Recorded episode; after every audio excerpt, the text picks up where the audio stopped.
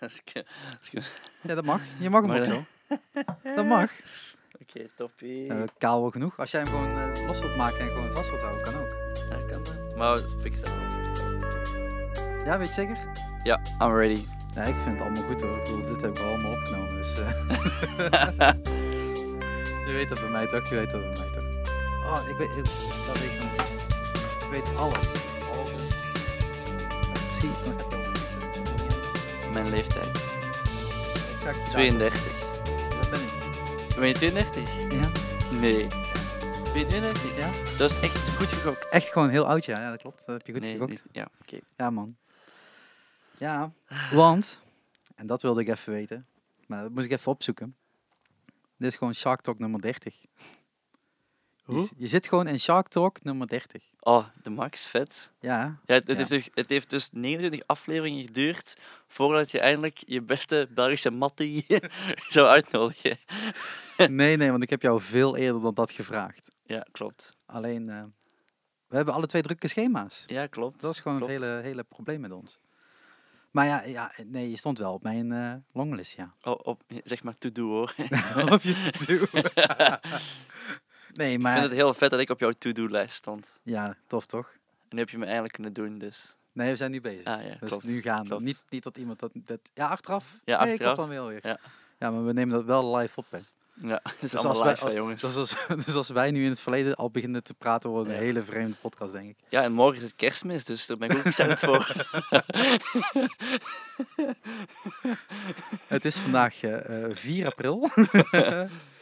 Maar het is morgen kerstmis. ja. Nee, nee. Het is... eh, Nee, het is 14 november, denk ik. nee, 15. Nee, 15 november. Ja, ja, je 15 loopt gewoon nu al... Hoe kan je nou weer een dag achterlopen? Ja, ik, eh, oh, ik ben niet zo voor eh, dagen bijhouden. maar je wilt, je wilt gewoon randomly ergens zijn. Ja, ik weet, gewoon, ik weet gewoon nu al niet meer wat ik een uur geleden gedaan heb. Dus Hierheen gekomen. ja, waarschijnlijk dat. Ja. Was je je tas aan het inpakken, je mentaal aan het voorbereiden? mentaal, mentaal. Welke vragen gaat Schrik allemaal stellen? Ja, wel, eigenlijk wel bang voor wat jij helemaal gaat vragen. Ja, is het echt, echt zo erg? nee, kom maar op met de vragen. Val wel mee. Ik heb een heel eh, li- lijstje. Je ziet mijn... Als jullie meekijken in deze podcast.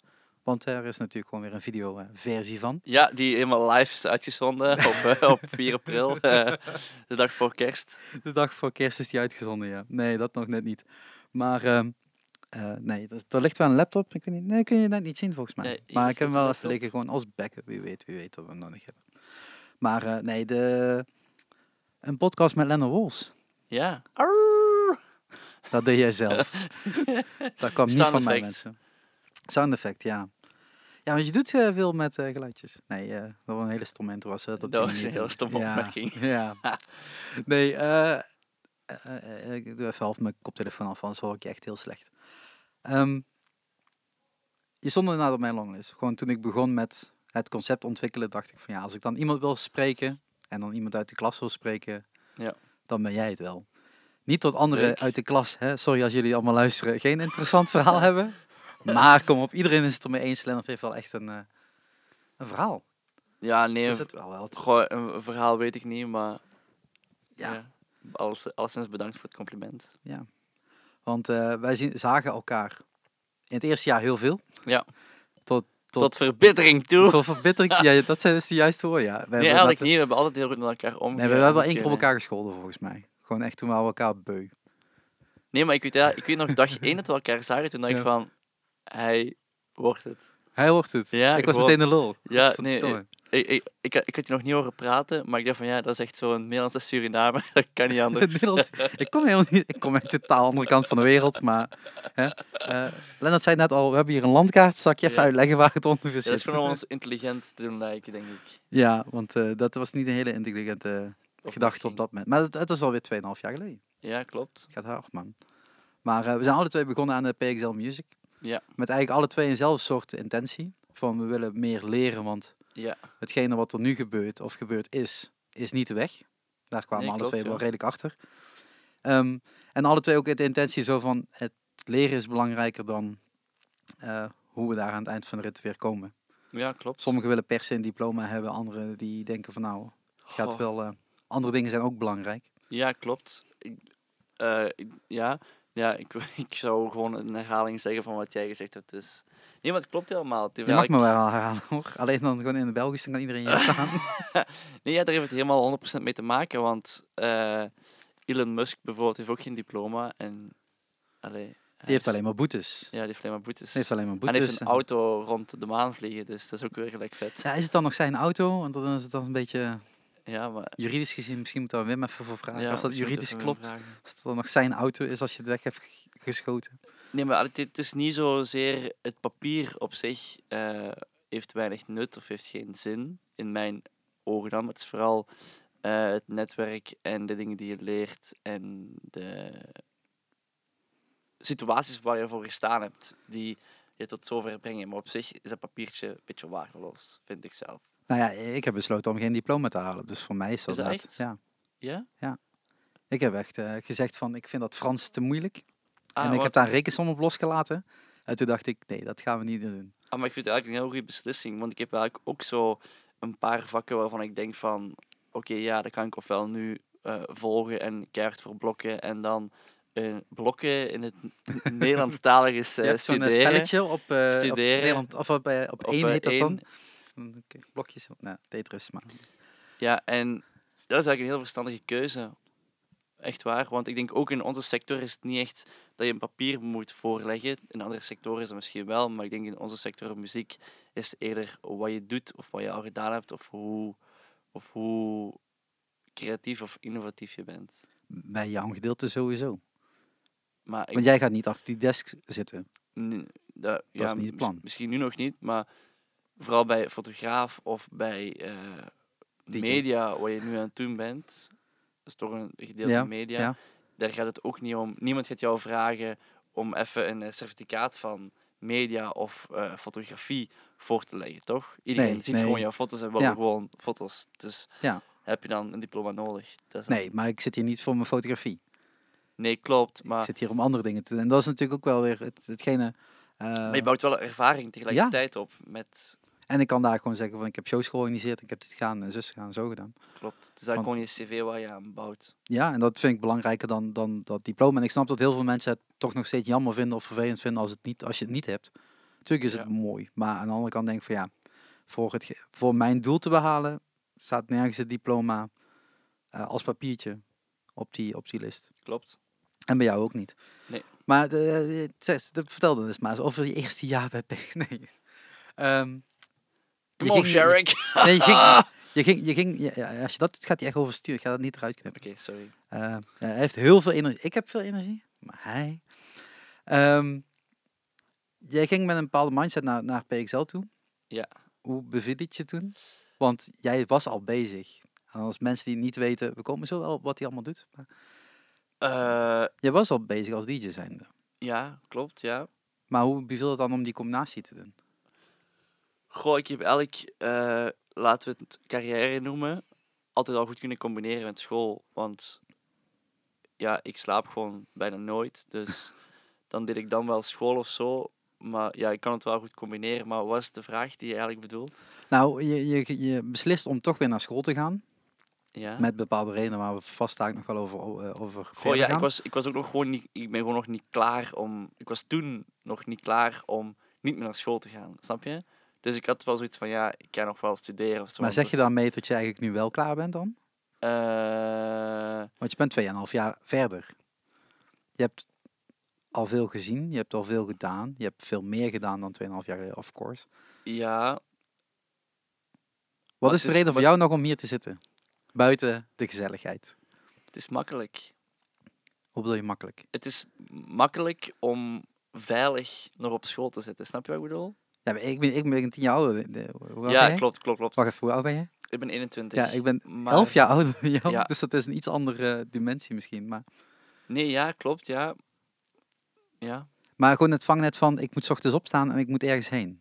In plaats van, ik kan super lang blijven liggen en ik ga nee, dan pas ik iets doen. ik heb eigenlijk nu het afgelopen jaar eigenlijk beslissingen genomen om nu maar veel minder dan de helft studiepunten op te nemen. Dus ik ben hier eigenlijk sowieso nog maar twee keer per week. Dus eigenlijk ben ik al af school, maar ik volg dan nu eigenlijk enkel de vakken die mij echt iets kunnen bijbrengen. En daarmee ik het net zo interessant vond dat jij zei van ja, ik heb geen diploma nodig. Want Ja. daar heb ik ook al aan gedacht, maar bij ons in België is het nog wel nogal opgevoed in de zin van je moet een diploma hebben. Mhm. Dus Dat is Nederland niet anders hoor.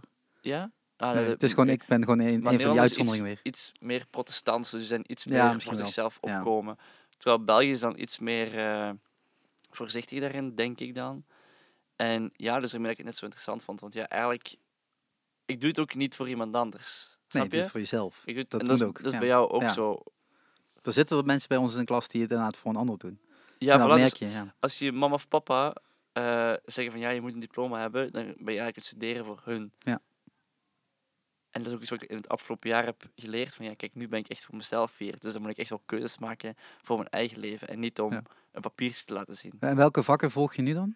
Eh, We zitten nu in, jij zit deels in het tweede jaar en deels in het derde. Of Eh, helemaal nog in het tweede. ik doe... eh, Welke had je kunnen volgen, Lennart? ik doe marketing doe ik nog. Ik doe financieel beheer nog. ja. En ja, kunstgeschiedenis om aan Ah. de, de nummertjes te... ja, muziekgeschiedenis. Om aan de nummertjes te komen. Eh, Muziekgeschiedenis en kunstgeschiedenis. Ja, muziek en kunst, ja. Oké. Heb je nu niet les? nee, nee, nee. Ja, eigenlijk wel, maar ik, ik, eh, ik liep er net langs en van... Oh, kut. Dus zo... Dus zo Eh, goed, eh, gaat We zetten dit op eh, 4 april uit, dan heeft je al ja, lang geen les meer. Nee, daarom. daarom. Dat is allemaal geen probleem. Ehm, ja, maar, is dan, maar om, de, om nummertjes te komen, je zegt je moet een x aantal studiepunten opnemen, Ja. bedoel je dan? Ja. Ehm, en deze zijn lichter, denk ik, hè? Qua aantal. ja. Ja, want eh eh, kunstgeschiedenis, eh topleerkracht, maar heel veel leren valt wel mee. Het is echt een introductie tot. Ja, klopt. En eh muziekgeschiedenis is inderdaad gewoon heel veel luisteren, Ja. naar muziek luisteren en wachten tot de les over is en dan een paper moeten schrijven. Het is eigenlijk vooral eigenlijk... dat ik toch nog het minimum kan doen, maar ook nog eh ja, er buiten tijd heb voor mijn eigen carrière. En ook nog de dingen die ik voor Pioneer bijvoorbeeld doe, dat ik dat kan combineren. En het voordeel van school geeft mij ook dat ik ingeschreven kan zijn als werkstudent. Dus dat biedt mij ook voordelen van dat ik dit kan combineren. En dat eigenlijk het voor mij, of ja, vanuit de overheid gezien, een goede mogelijkheid is om te studeren en werken samen hier in België. Dus dan Ja. is het studeren eigenlijk oké. En als ik dat niet te zwaar maak, kan ik het perfect combineren. Ja, want dan, wat je al zegt, twee dagen ben je hier en vijf dagen in de week heb je tijd voor Klopt, volledig te focussen op je, op je carrière. klopt. Ehm, toen wij begonnen aan, aan, aan de PXL ehm, eh, Music in Hasselt, want dat is waar we nu ook zitten. We zitten nu in, ik denk de gitaar, basruimte. Gitaar, denk ik. Zo aan de cabinets te zien. Ehm, voor de mensen die meekijken, dus eh, ja, thanks dat we hier mogen zitten, Alessio. Shout-out to the PXL folks. Fuck off, mate. Nee, die is er alleen op maandag. We zitten op donderdag op te nemen. Ehm, toen had je opeens allemaal lessen. Toen hadden we alle twee Ja. lessen, waarbij ik alles, alles, alle twee hetzelfde gevolgd in het begin. Ja. Ehm, had je toen niet gewoon ook zoiets van, maar waarom, waarom ben ik dit aan het doen? Kijk, die lessen van, van Wim, waar je dan zakelijk juridisch krijgt, of Ja, eh, dat soort dingen, die zijn super. Maar we hebben ook in het eerste jaar lessen gehad waarvan je denkt, ja, eh, MTO, ehm, als mijn mengpaneel niet werkt, Ja. dan, dan wuif ik naar links en dan wordt het gefixt voor me. Goh, nee, zo'n groot ego heb ik nu niet. maar eh, Ja, maar ben je niet jezelf je mix gaan fixen op het podium, toch? nee, klopt. Dat klopt. Ik snap dat ze sommige lessen geven. Dat snap ik heel goed. Ook om het te kaderen naar de overheid toe. En het mag voor de overheid Ja. allemaal niet de rock and roll zijn natuurlijk. Maar ja, sommige dingen is gewoon van, je staat zelf al zo lang in het werkveld, dus dan voel je je zo'n klein beetje teruggetrokken of zo.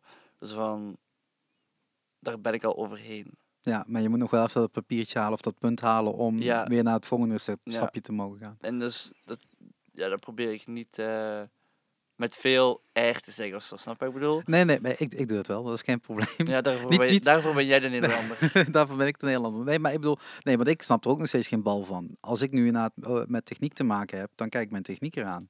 Dat is ook de reden waarom in een project van Ja. Chalk Sessions er ook een technieker zit. Want ik zeg ook tegen Ja. hem, ik zeg, ik weet dat niet. Ik snap dat niet, dat wil ik ook niet weten. Dat is ook niet mijn taak. Ja. Maar op deze school leer je alles. Je leert, je moet alles een beetje kunnen. Ja. En sommigen gaan dan wat dieper op in, zoals bij zakelijk juridisch. Daar leren we echt heel veel.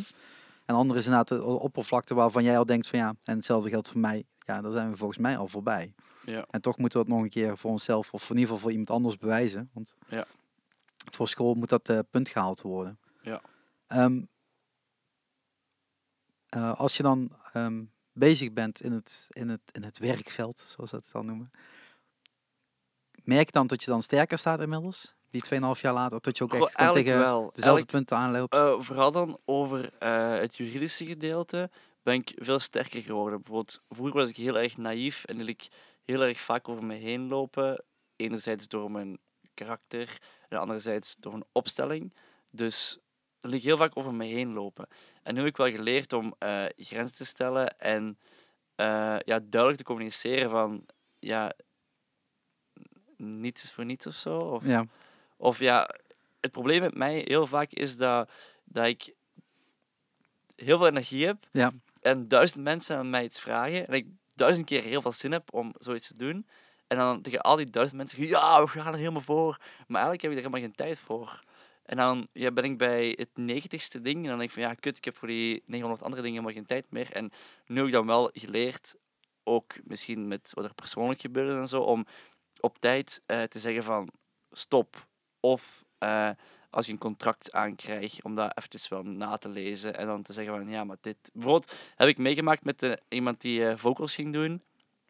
En die zei van, ja, ik wil zoveel percentage op de publishing. Was dat dan eigenlijk helemaal niet geschreven, dus dat is er eigenlijk helemaal geen recht op. Maar vroeger zou ik gezegd hebben van, ah ja, prima. En dan had ik het eigenlijk niet doorgehad. Ja. Dus het is niet dat, eh, dat, dat het slecht is, maar ik, ik, weet er gewoon meer van. Wat mij Ja. helderdere beslissingen, mijn beslissingen meer helder worden. oké. Misschien is het goed om, eh, om een stukje terug te gaan. Want we begonnen natuurlijk gewoon eh, toen je 18 was. Ja, ik was 18, Ja, of- of 18. 19. Ja, en ik was godverdomme 30 man. Eh verschilletje op eh, leeftijd op deze school. Ik ben nog steeds eh, de oudste, zo ongeveer. Ja. Soms ouder dan de leerkracht, maar oké, ander verhaal. Ehm, de leerkrachten die jonger zijn als jou? ja, er waren leerkrachten jonger dan mij. Echt? Ja. Ehm, maar dat maakt niet uit. Ik kan ze ook niet al op, opnoemen, maar dat maakt niet uit. Ehm, Hoe oud is Jonas eigenlijk? ja, ik denk dat hij een van die jongens is. Ja? Ja, ik denk het wel. Shout out Mumbai Science. Dat knip ik er even uit. Nee, sorry. ik heb op zich niet veel met Jonas meer te doen. Eh, zijn lessen waren, ça va. Nee, Zoals ze het hier noemen. Eh, ça va, hij, heeft een Belgisch woord geleerd, hè, jongens en meisjes. Yes. Dat is over die Franse lessen. Nee, nee. ja, nou, echt waar. Eh Frans lessen hoeft voor mij helemaal niet meer. Nee, maar ik, vond Nee, het, ik vond het vak van Jonas echt top. Want dat, hij haalt altijd actuele dingen erbij die Ja, eh, chatbots lang voor hun tijd, of ja, relatief lang voor hun tijd, of, of nieuwe updates, bijvoorbeeld een Instagram die er aankomt, die hij al zo in de kleine lettertjes in een, een of ander nerd magazine al gelezen Ja. had. Dus dat maar, was... dat is, maar dat is het verschil tussen Jonas en mij. Ik loop daar door nog voor. Ja. Nog voor hem. Nee, dan moet ik jouw nieuwsbrief beginnen volgen vanaf nu. Ja, ik heb geen nieuwsbrief. Je moet die EHP EHPO nieuwsbrief. Eerste hulp bij platen. Nog iets. Ah, oké. Die, die blijft nog steeds heel goed. Nee, maar dat is natuurlijk als je dan... Eh, dat is het verschil tussen jou en mij. Als je dan inderdaad niet zo tech-savvy bent als, als mij. Wat dan misschien wel... Ik ben er nog lang niet. hè. Er zitten echt nog anderen die daar nog ver, ver, ver boven zitten natuurlijk. Eh, maar dan zit je in zo'n les en dan snap ik zijn doelstelling. Want 99% van de anderen Klopt. eh, weten het niet in de les. En ik zit daar een beetje te wachten tot tijd over ja, het- en Photoshop hetzelfde. En Ja, het niveauverschil daar is moeilijk ook voor hem om in te schatten wie er al hard mee bezig is. Ja, maar hij, moet ook niet naar- zich naar mij aanpassen hoor. Ik bedoel dat niet. Maar Nee, nee, maar klopt. Maar geef mij gewoon één toets en, en zorg dat ik daar vanaf ben. Maar dat kan in Ja. deze maatschappij niet. nee, klopt. Dat zou. Hè, als je, dan, je moet je aan het eind van de rit bewijzen en je mag je niet aan het begin van de rit bewijzen. Ja. Zij willen per se, of ze, en dan bedoel ik de overheid, Nederlands of Belgisch, maakt niet uit, eh, willen tot je, tot je uren volgt. In plaats Ja. van dat je de kennis kan aantonen. Aan het begin en dan die lessen niet hoeft te volgen. Scheelt, scheelt een hele hoop tijd. Maar oké, zo werkt het niet. Nee, maar ik wilde eigenlijk teruggaan bij jou. Want ehm eh, je hebt ooit een keer een Wil je hele... dit ook stellen op Shark 555? Wat wil je dan ook? Oh, dat, dat- die, die, ja, die, ja, kan misschien. Misschien een keer een politieke partij oprichten. Gewoon een crossover tussen Nederland en België. Ja, lijkt me dan, leuk. eh, als je daar een keer tijd voor hebt voor tussen die duizend projecten ergens. Nee, ik wil eigenlijk maar teruggaan. Want je hebt een keer een, een presentatie gehouden. Op school. ja, klopt. Ja. Meerdere zelfs. Nee, de presentatie. De Ik heb- Ik heb het presentatie. wel over de presentatie. Eh, wanneer ben je eigenlijk begonnen met DJ? Want daar gaat het over. Want we hebben na 20 minuten nog steeds eigenlijk niet voorgesteld. Want jij bent Lennart Wolfs. Ja, ik vind dat altijd een moeilijke vraag wanneer ben je begonnen. Want je hebt nooit een moment van, nou ben ik echt een DJ. Nee, maar je hebt wel ergens een keer je eerste draaitafeltje of platenspelertje gekregen. Of Eh, cd. Ja, ik denk dat ik een jaar of tien ben geweest. Zoiets, negen of tien jaar. Dat was eigenlijk, ik wou eh, muziek spelen. En ik heb eh CLO geprobeerd en saxofoon en blokfluit. Dan Oké. deed ik muziekles. Maar het grote probleem, ik heb heel veel problemen met autoriteit. Jo, en- je meent het. En eh, ja, toen was er een leerkracht vooraan die zei van ja, als je deze noten niet speelt, ben je fout. Dus ja, ik na twee lessen, ik had dat helemaal gehad. Ik heb ook, eh, een goed voorbeeld, ik heb ook tekenles gevolgd. Ik Ja. kon vroeger heel goed tekenen, echt next level. Oké. Dat doe ik nu al lang niet meer, ben ik ook helemaal verleerd. Maar toen ging ik ook naar de tekenschool en toen moest ik opeens een vaas tekenen. Maar dat vond ik helemaal niet leuk. Ik wou, ik wou tractors tekenen. dus Dan weet je hoe lang dat geleden is. ja, Vijf jaar geleden ongeveer, max. ja. En dat had ik ook met, met muziek. En op een gegeven moment, mijn onkel, die eh deed zijn DJ-set weg, heel toevallig. Maar dat was eigenlijk gewoon een mixer met eh, twee cassettespelers en een hoop cassetten erbij. En toen was ik negen of tien jaar of zo. En toen weet ik nog dat hij met zo'n grote bak zo de living in kwam. Van, ah, is dat niks voor Lennart? Want die was toch bezig met muziek. En ja, daar ben ik helemaal eh, in verloren Maar dan ben je dus gewoon met cassettebandjes begonnen met mixen. Ja, het was gewoon cassettebandje Aan- insteken, vedertje omhoog, ander vedertje en zo op andere opzetten. Zo, en dan was- weer cassettebandje wisselen. En Ja, dan maar- met een pen dat doorheen draaien. En dan de volgende track ongeveer skippen. Nee, het waren eh, floppy disks. Oké, Van die... Ja, het was al digitaal. Ja, Klopt. De cassettebandjes waar ik het over heb zijn analoog. Ik weet niet of je Ja, nog ja, weet wat dat maar is. ze, waren, ze waren zo groot Ja, en dan moest je erin steken en dat was het. gewoon, gewoon zo'n zo'n eh, minidisc-achtig systeem. Ja, ik weet, ik weet niet, ik heb het nooit geweten.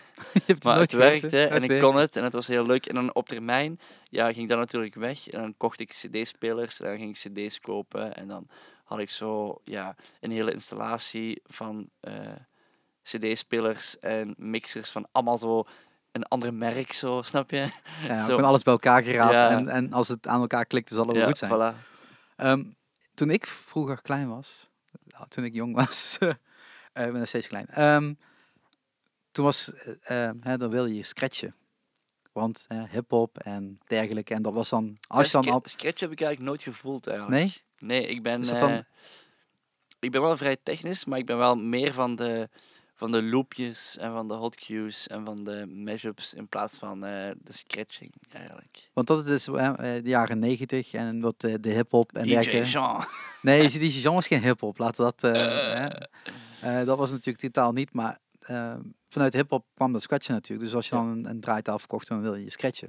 Ik Niet- heb nooit niet- een draaitafel gehad. Niet bewust zijnde dat als je een naald op een plaat legt en je begint te scratchen, één van de twee gegarandeerd kapot gaat. Ja, sowieso. Ehm, maar je zegt al van, je bent daarna eigenlijk vrij snel naar cd's toegegaan. Ja. En ehm, dat was gewoon hardcopy cd's kopen in een Ja, platenzaak. Of, ja, toen een tijd in de Free, free Record Shop, wat nu Ja. failliet is, denk ik. Ja. Ja, daar ging ik altijd eh, cd's kopen. Daar was ik eh, vaste klant. Het was ook heel cool, want de mensen in de winkel kenden me ook. Dus die, dus die wisten al wanneer zo'n kleine jongen Het was een jaar of twaalf of zo dan? Ja. 13 jaar. Ja, toen kocht ik zo eh, de dance-cd's. Toen- Ik was altijd wel al dance-achtig. Oké. Weet je, geen foute dance, hè, maar Geen fout. Is er foute dance? ja, er is best foute dance. Ah, dat is Eh, alleen hier in België misschien of zo. Ja, die zat hier Ja. in België. maar ja, ik kocht dan altijd van die compilatie-cd's, zo eh voor DJs only en eh, Switch en zo allemaal van die cd's waar echt ja, volledige or- original mixes DJ-cd's waren. Dus dat je echt de intro had en zo. En dan probeerde ik ook te mixen. Die heb ik nooit zien liggen. Ik, heb, ik heb vroeger heel veel cd's gekocht, hè? dat weet je inmiddels wel. Eh, maar ik had inderdaad van die, vaak van die, gewoon die mixer-albums. Dat gewoon eigenlijk alles was al, was al kan en klaar eh, Trans Energy eh, afgemixt, zeg maar. Ja, ja, ja, maar Maar daar heb je natuurlijk niks aan. je, had dan, je had dan eigenlijk de cd, de gemixte cd, Ja? Maar dan kon je ook de dubbel cd kopen waar het dan de originele tracks Ah, zo, helemaal ja, op stonden. En ja, die eerste cd was dan voor bij, pap- bij papa in de auto en de, de andere cd was dan voor mij. Dat was voor kleine Lennart. Ja. Ehm, maar heb je toen het idee gehad van ik wil DJ worden of heb je toen, ik wil radio-DJ worden? Want het zijn even twee verschillende termen die eigenlijk... Nee, ik heb, ik heb nooit eh, radio-dj willen worden. Mijn eh, stem is ook helemaal niet eh radio geschikt, denk ik. Alhoewel ik echt heel mooi kan praten. nee, eh ja, gewoon, ik was er verliefd op. En ik had op dat moment ook niks anders. Want bij mijn gezondheid kon ik ook geen sport doen en zo. Dus ja, muziek was voor mij mijn liefde, mijn leven. En dan zeker dat draaien. Ik vond het helemaal geweldig. En dan ben ik eh, naar open deurdagen, naar DJ-shops geweest. En toen daar bij een licht- en geluidfirmaatje zo beginnen meegaan en bijklussen toen ik 13, 14 was of zo. Dus alles is eigenlijk heel natuurlijk eh, gegroeid. En het is nooit gezegd van, ik ga DJ worden. Natuurlijk, de ambitie was er dan wel van, ja, hoe stel je voor als ik ooit eh, op een podium kon staan. Ja. Maar het was altijd heel liefdevol. Maar wat, wat, eh, wie waren jouw voorbeelden dan? Want als je het dan over negen jaar geleden hebt, want dat is het ongeveer. Ja. Wie waren toen jouw voorbeelden om dan te zeggen van oké, ergens in mijn hoofd zit, eh, ik, als ik DJ kan worden, dan wil ik... Gewoon, eigenlijk waren dat die, die mensen van de DJ-winkel zelf. Want dat klinkt heel Ja, raar, ja, hè? ja, ja, Maar- eigenlijk wel. Dat, dat waren ja, mijn helden, want die gingen naar feestjes en die konden feestjes opbouwen en afbreken en ze gingen draaien. En wow. En is dat dan ook de reden geweest waarom dat je daar dan bent gaan werken? Zo van, als ik daar werk, dan kan ik daar ook binnen en dan... Nee, het was helemaal nooit de bedoeling. Ik vond het gewoon heel gaaf. En ja, daarom dat ik dan daar ben ingerold. En natuurlijk, op dat moment was Reggie in de Mix in België een van de events. Oké, Dus ja, is dat ik, voor of na Milk? Na, ver na Milk Inc. Ja, is na Milk Inc. Ja. Maar dus er was wel echt die periode van dat Reggie zijn eigen tv-show op, op Jim TV had. En op Ja, van de Nederlanders, en- eh, Reggie is die gast van Milk Inc. ja, En dan zonder die dame heet hij Ja. gewoon Reggie. Ehm, eh, toch even een beetje context geven voor sommigen die dat niet helemaal ja, en die eh, mee CD's zijn. kocht ik, kocht ik eigenlijk ook altijd. En dat was zo de tijd van eh, Day and Night. eh, en eh, Ja, van ja. eh, Oké, eh, Knobbers dat is en La- zo. Lasco-achtig. Wat Was is dat toen? Lasco? Dat Nee, dat is? Lasgo is nog verder Oké. voor. Dat is eigenlijk dezelfde periode als Milking. Dat is echt 90s. Ik Oké, heb het ja, over je, weet, je weet niet wanneer ik ben opgegroeid. Hè? Ik dus, heb het eh, over de jaren 2000. En ja, dat je Reggie, dat je Wout van Silver. En ja, dat is toch. ah ja, Silver, ja. Weet je nog. dat is, ja, die periode wel. Ja, België had best grote Ja, DJ's in, tuurlijk. uit de 90s naar de zero's. En dan had je ook eh, een hele retro bonsai. En ken je bonsai? Nee, dat is, Dat is allemaal echt retro, retro muziek. Had je bonsai. Had je eh, Sherry Moon, had je Zillion, had je Karat, had je eh, BBC. Allemaal van die grote, supergrote discotheken in België. Beetje zoals de IT in Amsterdam zo. Ja.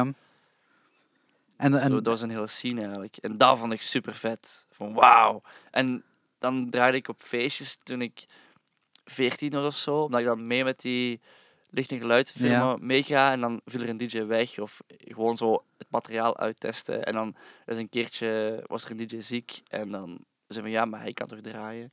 En toen mocht ik een keertje draaien. Dat was ja, super vet. En toen kwam ik allemaal DJ's tegen.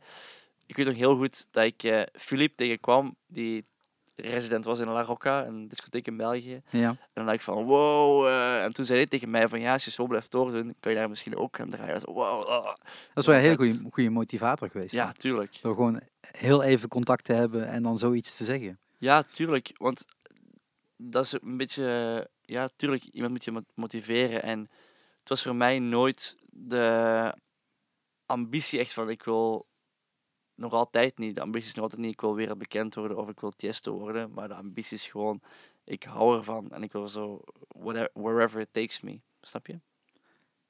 Ehm, ja, zoiets denk ik. Maar dan, dan mag je gaan draaien als, als een soort invaller. Als, eh, als, als. Niet, niet als backup, maar gewoon eh, van hey, je bent er dan toch, ga Ja, maar staan. ja. Wat draai je dan? Ja, dat was eigenlijk op een, op een eh, studentenfuif. En ja, ik had natuurlijk altijd mijn cd-map bij me. Hè. cd-map en dan mijn hoofdtelefoon. Ja. Om, om dan dat eerste half uurtje dat alles was opgebouwd en er nog niemand je moest was. alles soundchecken natuurlijk Oh, en en dan was jij er wel voor. En soundcheck noemde dat dan. Maar ik was al volop aan het mixen. Weet je. Oh. Dat was allemaal hele dure apparatuur. Ja, want dat Ja. materiaal had ik thuis niet. Dat vond ik super vet. En ja, en toen was er iemand ziek en toen zei ze van ja, val dan in. En ja, ik was natuurlijk helemaal mee, want ja, LimeWire was toen mijn meest geopende programma op de computer. Dus ik was helemaal mee met alles en de hele scene. Dus toen was mijn moment van ja! en ja, toen heb ik gedraaid en toen heeft die organisatie me de volgende drie feestjes ook geboekt. Ineens. Dus Wa- Wacht, geboekt als in zijn, eh, kom ook langs en hier is 50 euro? Of als geboekt, Ja, kom langs, want je bent er toch al. als in, kom de volgende keer echt langs om te draaien en dan krijg je 10 euro. Zo, oké. zo, en ja, ik vond dat helemaal top. Want ja, mijn mama reed dan met de auto naar een feestje, zette me dan af, eh, wachtte ze een uur in de auto, ging draaien en dan, ja, zo ging dat. Maar mocht dat überhaupt, wetgevend gezien? Ja, wetgevend gezien mag het niet, nee, maar Ja, kinderen mogen optreden, dat is bij wet mag dat. Alleen ik nee, je mag uur, niet, uur ja, je mag niet na 9 of 10 uur, Ja. denk ik. Maar ja, natuurlijk, feestje pas om 10 uur, dus eh, ben ik even de lul. En hij moet er toch, hè? Ja. En het is niet zoals nu dat je een premix insteekt en weer kan weglopen. Klopt. Nee. Ehm, Oké, maar dan heb je dat gedaan. Dan heb je dus die, die, die, die kleine feestjes gedaan. Dat worden grotere feestjes. Ja, stilaan, Ja. ja. Op een gegeven moment denk je zelf van ik wil wel meer. Denk dan. Goh, wat ik eigenlijk heb gedaan, ik heb toen aan een DJ-contest meegedaan. En dat is eigenlijk mijn eh, kickstart geweest of zo, of hoe moet ik dat zeggen. Dus ik heb aan, aan een DJ-contest meegedaan. Eigenlijk Wat was drie, dat? drie of vier verschillende. Oké. En eh, ja, Lucky Me had ik ze alle drie gewonnen. En bij een van die DJ-contesten, dat was eh, van Pennenzakkenrock. Rock. Zo echt een kinderfestival waar je met de lagere school naartoe gaat. Oké, oké. Daar deed ik dus ook mee. En die Maro, die zeker in die tijd, dus ja, zes, zeven jaar of acht jaar geleden, echt eh, de DJ was in België. Die was zat daar in de jury. En hij was aan het denken om een eigen agency op te starten. En ja, hij had mij dan positief beoordeeld voor dat DJ-contest. En toen zei hij van ja, heb je geen zin om bij mij in het agency te komen? En ja, ik zei ja, tuurlijk, tuurlijk, tuurlijk, tuurlijk. Maar ja, toen was ik terug thuis en dan dacht ik van ja, was een mooie dag. Iedereen zegt wel dat je de wereld gaat halen, maar ja, uiteindelijk komt er niks van.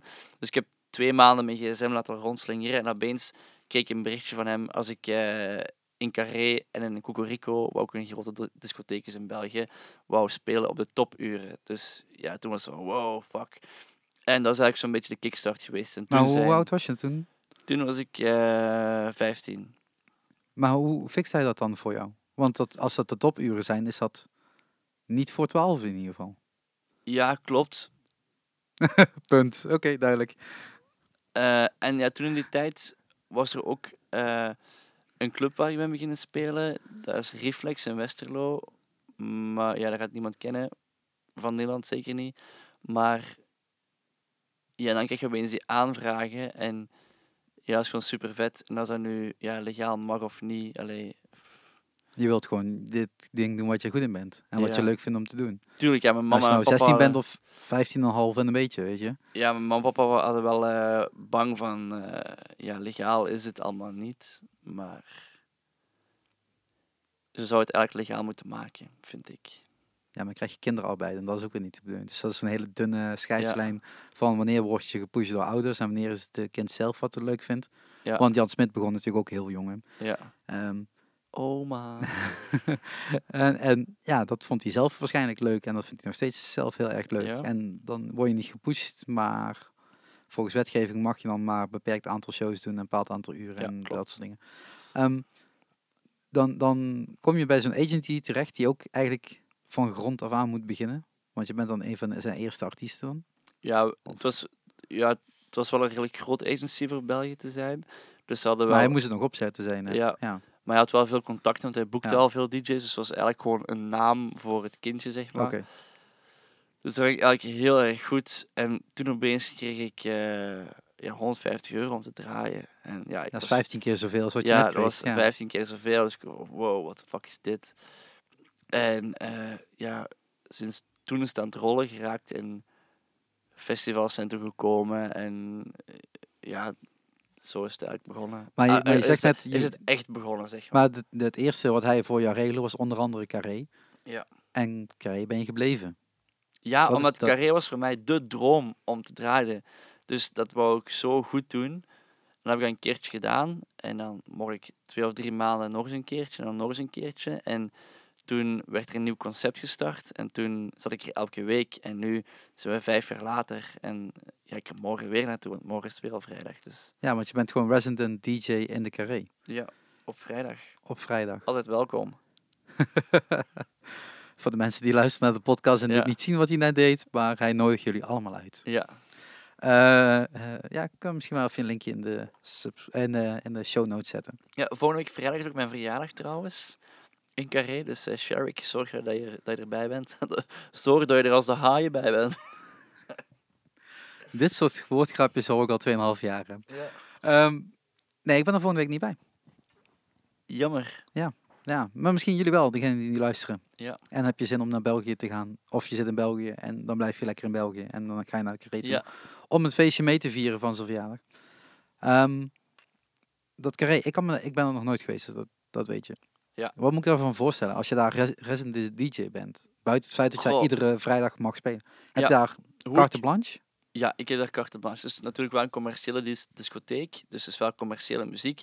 Maar ik eh, heb wel carte blanche over wat ik doe. Dus ik, ik kan zowel eh, een super vette hiphopplaat draaien, als dat ik eh, een super dikke technoschijf doe. Maar ik weeg het wel af, zodat je moet er natuurlijk wel naartoe werken dat het kan. Maar dat ik carré beschrijf, ik beschrijf carré als de kleur rood. Snap je? Heel gezellig Ja. is, liefdevol. Terwijl je hebt ook clubs die lichtblauw zijn. En dat is kaal, afstandelijk, snap je? En, En knijterhard. en Carré is heel gezellig. En iedereen is familie. En kom je daar binnen, voel je je meteen thuis. Hoeveel, hoeveel mensen passen daarin? Eh 1900 Oh, officieel, maar het kan tot ja, 2200 of zo.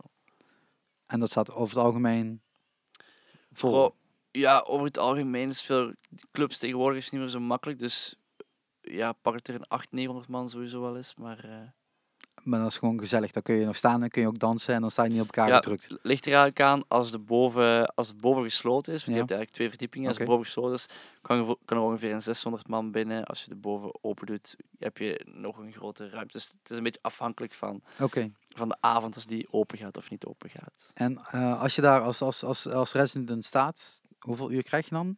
Of hoe lang moet je, mag je? Ik heb eigenlijk de eerste periode altijd 8 uur gedraaid. Dus van 10 uur tot 6 uur, zeg maar.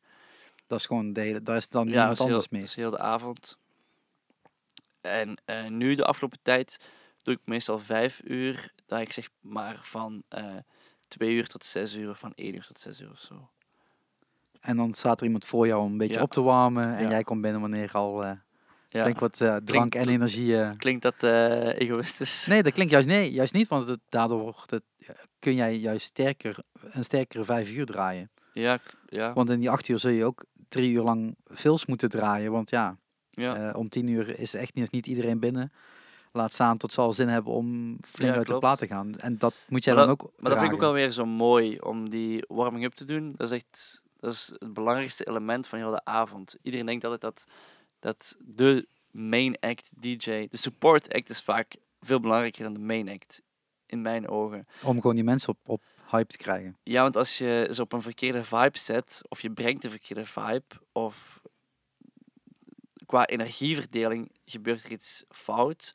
Ze zijn sterker dan de main act, of ze zijn zwakker, of ze, qua energieverdeling is er gewoon iets mis.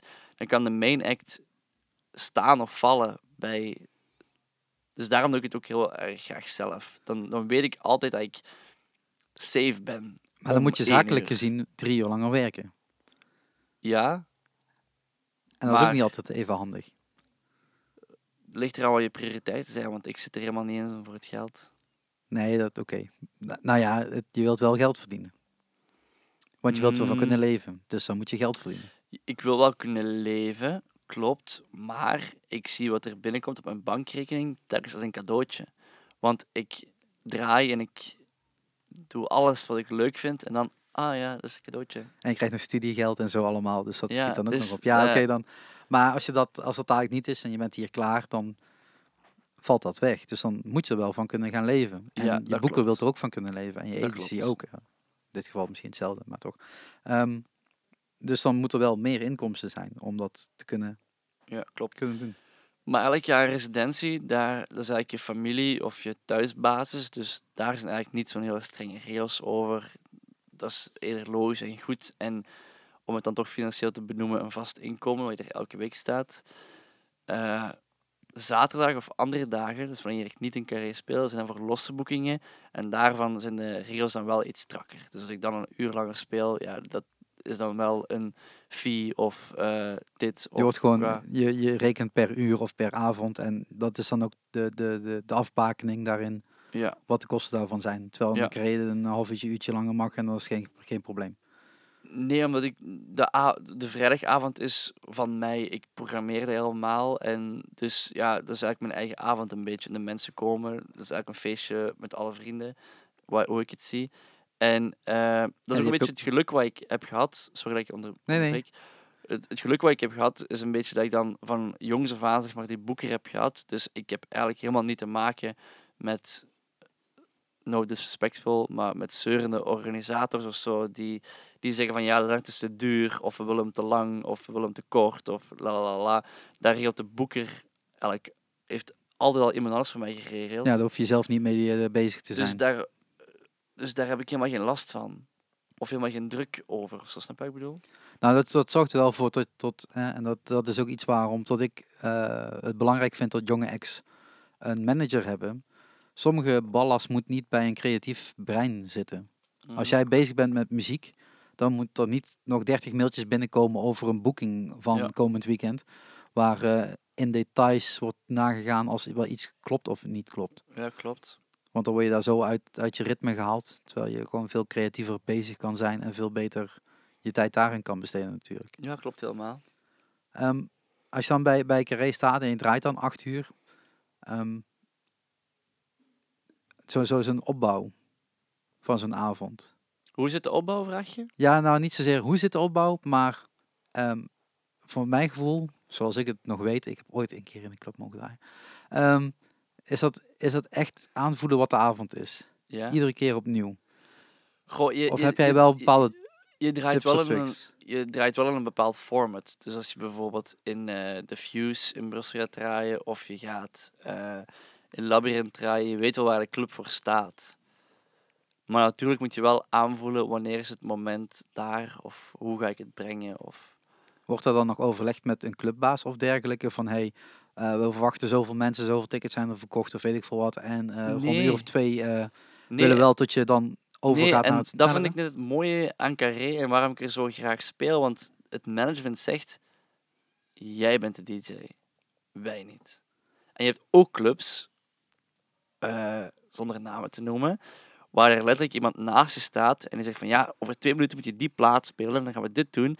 En daarna moet je die en die en die plaat spelen en dan gaan we dit doen. En, dus, en er komen zoveel man en er zijn eh, zoveel mensen van die vereniging daar en die willen graag die plaat horen. Dus dan moet je, en nee, Carré zegt, jij bent de DJ, jij bepaalt alles. En leuk dat alle tafels verkocht zijn en dat er 1500 tickets de deur uit zijn.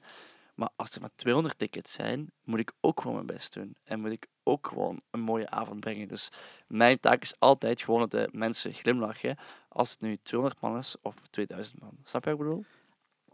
Ja, ik, ik, snap, ik snap wat je bedoelt, want dat, daardoor krijg je inderdaad ook wel weer het, het feit dat je zelf die avond mag, avond mag aanvoelen. Ja, en ik bepaal zelf wanneer ik dat confetti of dat CO2 of die lightstick of die show of die dansers of weet ik veel wat element. Ik bepaal zelf wanneer ik dat wil. En dat kan ook afhangen. Als je bijvoorbeeld vanaf, vanaf tevoren inplant, we gaan dan om één uur doen, maar om één uur voel je van ja, de vibe is er nog helemaal niet. Doen we beter een half uurtje later. Dan, ik heb die vrijheid om dat te zeggen. Maar ik stond bijvoorbeeld vorige week in een club waar ik echt tegen de, de manager in kwestie zei van ja, je mag het van mij doen, tuurlijk, want ik ben niet degene die boven jou staat, maar je, je kan het nu doen, maar het gaat als een tang op een varken zijn. Ik weet niet of je die ja, ja, ja, kent. zeker, ja. En iedereen gaat zoiets hebben van, wat de fuck doe jij nu als je nu een vuurspuur laat komen of zo? Of een confetti of weet ik Ja. wel wat. Ik ga het niet benoemen wat er was, maar... Dus dan was dat gebeurd en dan stond iedereen te kijken van... Ja. En dan is je effect, wat normaal een toegevoegde waarde moet zijn, ja. is dan eigenlijk Als je juist helemaal zure ja. pudding Ja. in een gebak. Maar hoe, hoe overleg, of met wie overleg je dat dan? Want jij staat te draaien. Is dat gewoon echt achter de boot even wegduiken en... Nee, ja, En, de, de light jockey is meestal degene die alles... En die staat daar. En dan, Ja. we hebben zo'n gebarentaal en dan snappen we elkaar. Maar met zo'n manager van de, van de club, die komt er echt gewoon langs je staan en zegt van... Hey, Ja, Over vijf ik- minuten ik- gaan we dat ik, doen. Ik, ik zag ze prepareren. Hè? Dus dan Ja. weet ik van... Ze gaan iets dat is niet doen. goed. Dat is niet goed. Dat is niet goed. En dan zie je die manager daar met zijn iPhone eh livestreamen. En dan denk je van... ah, not the right timing. En ja, zo merk je ook snel ja, wie echt de know-how heeft of niet of zo. Maar je hebt, ja, je hebt daarmee te dealen. Je wordt gewoon ingekocht op zo'n moment en jij draait gewoon je plaatjes. Maar je denkt ook van, ik had een betere avond voor En- hetzelfde bedrag kunnen leveren. Ja, want ik, ik denk altijd in het belang van de avond. Omdat ik ook altijd die lange sets Ja. doe. En misschien moet je soms ook een beetje acteren of zo. En doen alsof het alles geweldig is. En een rol spelen. Maar jezelf denk je van, ja, dit haalt echt niks uit. Nee, nee, maar dat is dan bij heel veel, eh, heel veel eh, creatief werk af en toe zo. Gewoon, soms moet je het maar gewoon slikken en dan Ja, denken van, klopt. Terwijl dan denk je van, ja, had ik dat geweten? Of ah, ah, dan hadden we er echt een moment van kunnen maken. En niet zomaar... pieuw. heb je daar dan ook op de plaat op moeten aanpassen? Op zo'n moment? Zoals afgelopen week. Heb je ook echt een plaat moeten inzetten van hem? Nee, dat niet. Dus het is ook gewoon randomly op een track waarvan jij denkt... De volgende track was echt honderd keer beter geweest. Ja, maar als je zoiets zegt tegen mij, dan bouw ik er naartoe en dan zorg ik dat, dat, alles klopt. Dat alles klopt. Ja. Ehm, maar als je dat dan in, in, in, in Carré heb je dan de, de vrije hand. Ik weet van, en dat vond ik destijds toen ik dat voor het eerst leerde. Alman van Buren zet gewoon in al zijn tracks een bepaalde eh, eh, voorinstelling. Waardoor de DJ volledig kan beslissen wat er met licht, geluid, eh, Ja. eh, vlammenwerpers en alles gebeurt. Dus hij weet als hij die track opzet, tot dan op Q eh 00 zoveel, gebeurt dit en dit. Ehm, ja, dat is echt een live show gedeelte. Ja. Hè? Ik heb nog geen arena shows eh Nee, nee, maar- doen, spijtig genoeg. Maar, nee, maar je eh, zegt wel, je hebt te maken met confetti's en met dingen. Is dat gewoon... eh, Ja, dat is gewoon met een natte vinger werk gewoon. Dus het is niet dat jij zegt van, denkt van als ik dan hè, door, je, door je cd'tjes blader, of in ieder geval hè, mp3'tjes tegenwoordig. Ehm, op die track gaan we dat doen. Gaan we Zwaar altijd argument. zwaar- Nee, je draait ook met mp3's neem ik aan. Ja, mp3's en waves, ja. Ja, zie je. Dus, nee, maar eh, zo van, oké, met de licht of met de geluidsman of eh, met, met wie daarover op dat moment gaat. Zo van, als we die track inzetten, hè, dan weet je gewoon op, dan dat moment mag jij eh veel gaan. Of- Ja, dan doe ik gewoon teken. Ja, dus je eh, moet nog geen teken doen. Fi- Het is niet dat hij, daar, eh, dat hij daar van tevoren eh, kennis van heeft. Ja, nee. Zo zijn er, het is een heel grappig voorbeeld ook. Normaal, als, als, eh, hadden afgesproken om eh, confetti en CO2 te doen als ik mijn hand in de lucht stok, stak. Sorry. Maar we gingen van, eh, er waren twee DJ-sets in de zaal en ik moest dan beginnen op de andere DJ-set om zo'n beetje, ja, wauw, cool, een nieuwe DJ-set die uit de grond komt. Dus ging ik daarop staan, maar ik zette mijn muziek op, maar de master bij hun stond nog niet open. Of ja, ik, ik stuurde wel geluid uit, maar er kwam geen geluid in de zaal. Dus dat was een groot probleem. Dus ja, ik doe mijn hand zo van, van hey, het, het werkt niet, hey, kom, kom hier, kom hier. En ja, mee wordt er confetti en CO2 afgevuurd. Top. En is er nog altijd geen muziek. En dan kijken ze van, huh? Ja, dus misschien toch maar eh, iets anders verzinnen dan gebaren. Zwaaien. Als ik twee keer knippen met mijn ogen, dan, eh, dan confetti. Nee, maar het, het, ehm, je hebt dus niet een, een directe communicatielijn naar hun toe. Je hebt geen oortje eh, eh, Nee. of een extra... soms zie je Nee, dat maar- een soort mic ligt met een, met een monitortje erbij of dergelijke. Nee, maar het, het ding is ook dat er een goede light jockey is, dus die ook, mij ook echt wel kent en mijn manier van spelen ook kent en ook veel know-how heeft. Dus die weet ook wel wanneer de juiste timing is of niet. En ja, hij is echt een supergoeie light jockey, vooral in carré. Dus dat is wel een groot voordeel, want op sommige... En ook wel belangrijk om dus zo'n avond goed te krijgen. Ja, zeker. Onderschat nooit de kracht van een goede light jockey. En eh, je merkt dat, vers- dat verschil heel snel als je in een club of op een festival staat en de light jockey heeft geen opleiding gehad, om het zo te zeggen. Ja. Eh, ja, dat, dat merk je wel. En ehm, oké, dan, dan denk ik dat ik wel alles wat ik gevraagd heb wat ik vanuit Carré wilde weten. Want ik hoor je er altijd Ja, over praten, maar... We hebben heel veel over carré gepraat, dat ik eigenlijk helemaal niet verwacht. Maar ik vind het wel leuk, maar ik had het niet verwacht. Ja, maar ja, een beetje shout-out naar Carré is toch goed? Ja, Een beetje ook een promo voor je, voor je birthday bash show. ja. Boom. Ehm, Nee, maar je, je, je speelt dan veel, veel in, in de clubs. Ja. Zoveel clubs zijn er niet meer. Nee. Ehm, dus het is een beetje het cirkel, hetzelfde cirkeltje rond. Ja. Ja, je hebt alles wel een keer gezien.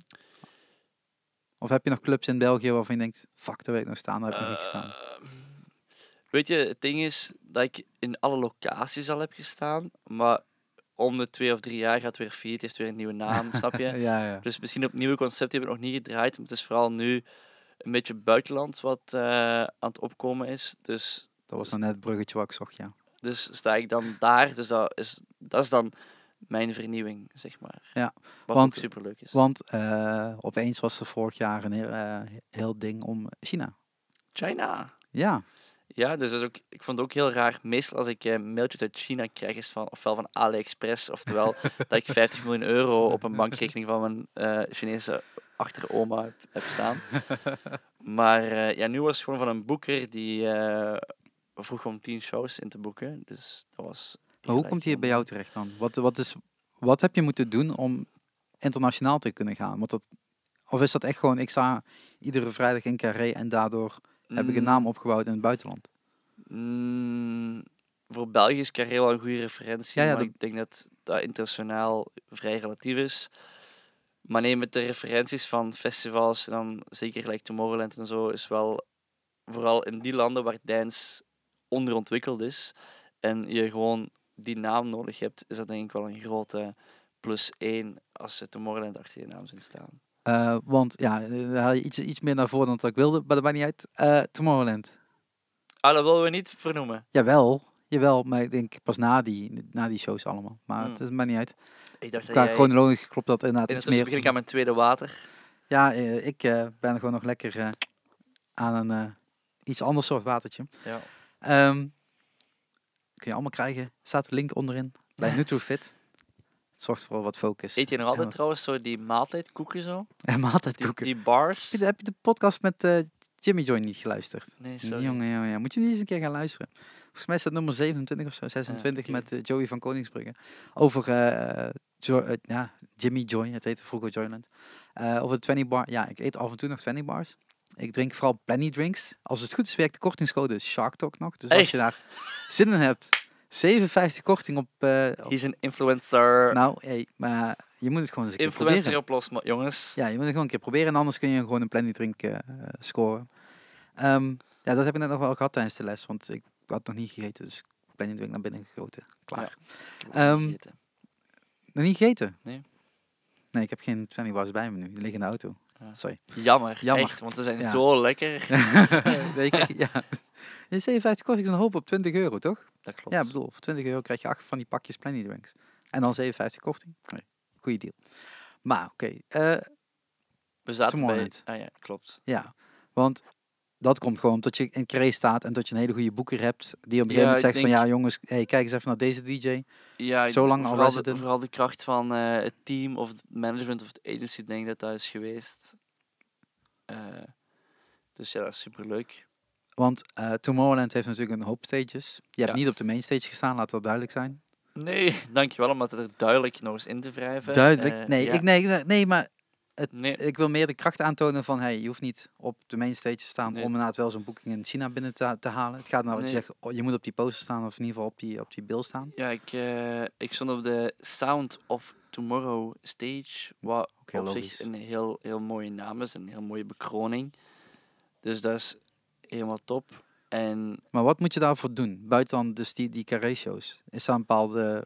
Goh, wij, hebben- wij leren hier op school eh, tijdens eh, ja, verschillende maar, vakken van je moet een bepaalde routing hebben en dan, eh, dat krijg je bij werkveld 3 nog wel, Eh, dat je een bepaalde route moet hebben en Ja, daardoor sta je op het festival. Dus je moet eerst een x aantal andere dingen hebben gedaan hey, die voordat je... flikkert. Ik, eh, Wat is er gebeurd? ik heb geen idee. Dat is vreemd. Nou, we gaan het gewoon nog, we gaan gewoon door, want de, de, de audio is het belangrijkste. Ja, oké. Oké, Oh, we zijn er nog. dat is knap. Wat hè? Ja, nee, ja, het is heel vreemd om dat in een podcast te zeggen, maar opeens is de eh, stream, eh, of in ieder geval de, de, de storage is uitgevallen. Wat heel vreemd is. Oké. Dat kan Ja. gebeuren, hè, mensen. Jongens en meisjes, het is en blijft nog steeds IT. Eh, Ja. eentjes en nulletjes kunnen zomaar eens veranderen van plek. Ja, ja, maar het is inderdaad wel heel vreemd als je opeens na een uur al je streaming... We zijn al een uur bezig. Ja. Nee joh. maar maar niet uit, als die nu verder uitvalt, die mensen, ja, de, diegenen die eh, met beeld waren aan het kijken, dag. We gaan gewoon lekker in audio ver- verder, dat is het belangrijkste, tenslotte. Zo simpel is het ook. Dus dan gaat die gewoon weg. Oké. Iedereen heeft een uur lang kunnen genieten van jouw eh, aanzicht. Wauw. Maar we waren bij, hoe kom je op Tomorrowland? Goh, het is misschien een stereotype, maar ja, ik denk wel eh, een goed profiel hebben, denk ik wel. Dat alles een beetje klopt, dat je geloofwaardig overkomt wat je doet, wat je gedaan hebt, dat alles in het plaatje klopt, dat je een, letterlijk een goed plaatje hebt, dat je socials in orde zijn, dat je gewoon, ja, het is, het is een beetje vies om te zeggen, maar je bent ook een product, dus je product moet er goed uitzien Ja. als, zodat je kan zorgen dat mensen je in huis willen halen. Dus ik denk dat als alles klopt, dat, eh dat voor een Tomorrowland dan ook misschien interessant is of zo. Maar dan eh, eh, zegt Tomorrowland, je mag op die future stage staan. Ja. Ehm, daar ehm, moet je een ander soort set gaan spelen dan dat je gewend bent om te doen. Hmm. Of ja, voor mijn gevoel, als je Tomorrowland is net dat net iets anders dan een gewoon festival. Daar zijn, zijn gelijk-minded people Ja, die allemaal drie dagen eh, lang, vier dagen lang eh, helemaal los. Nee. Helemaal los. helemaal losgaan.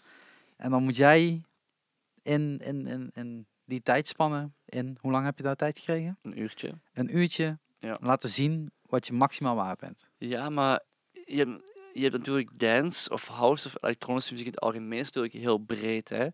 Dus je kan wel heel breed gaan en daarbinnen jouw ding vinden. En ik doe wel met technische mogelijkheden, daar zet ik dan mijn stempel mee of zo. Maar, maar, maar de opbouw daar, want dan hebben er mensen voor je gedraaid. Dan komen mensen na je. Mhm. Daar moet je anders mee omgaan dan. Goh, ja, Of kun je echt laten zien, ik ben Leonard Wolfs en ik doe dit.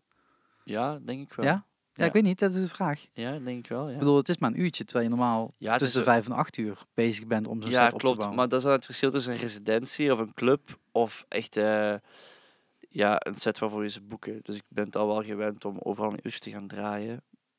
Wat ik ook top vind, want daar kan je gewoon een uur lang knallen en alles doen wat God verboden heeft. Ja, dat heb ik wel gezien op 5 mei. ja, de, dus eh, dat is wel leuk.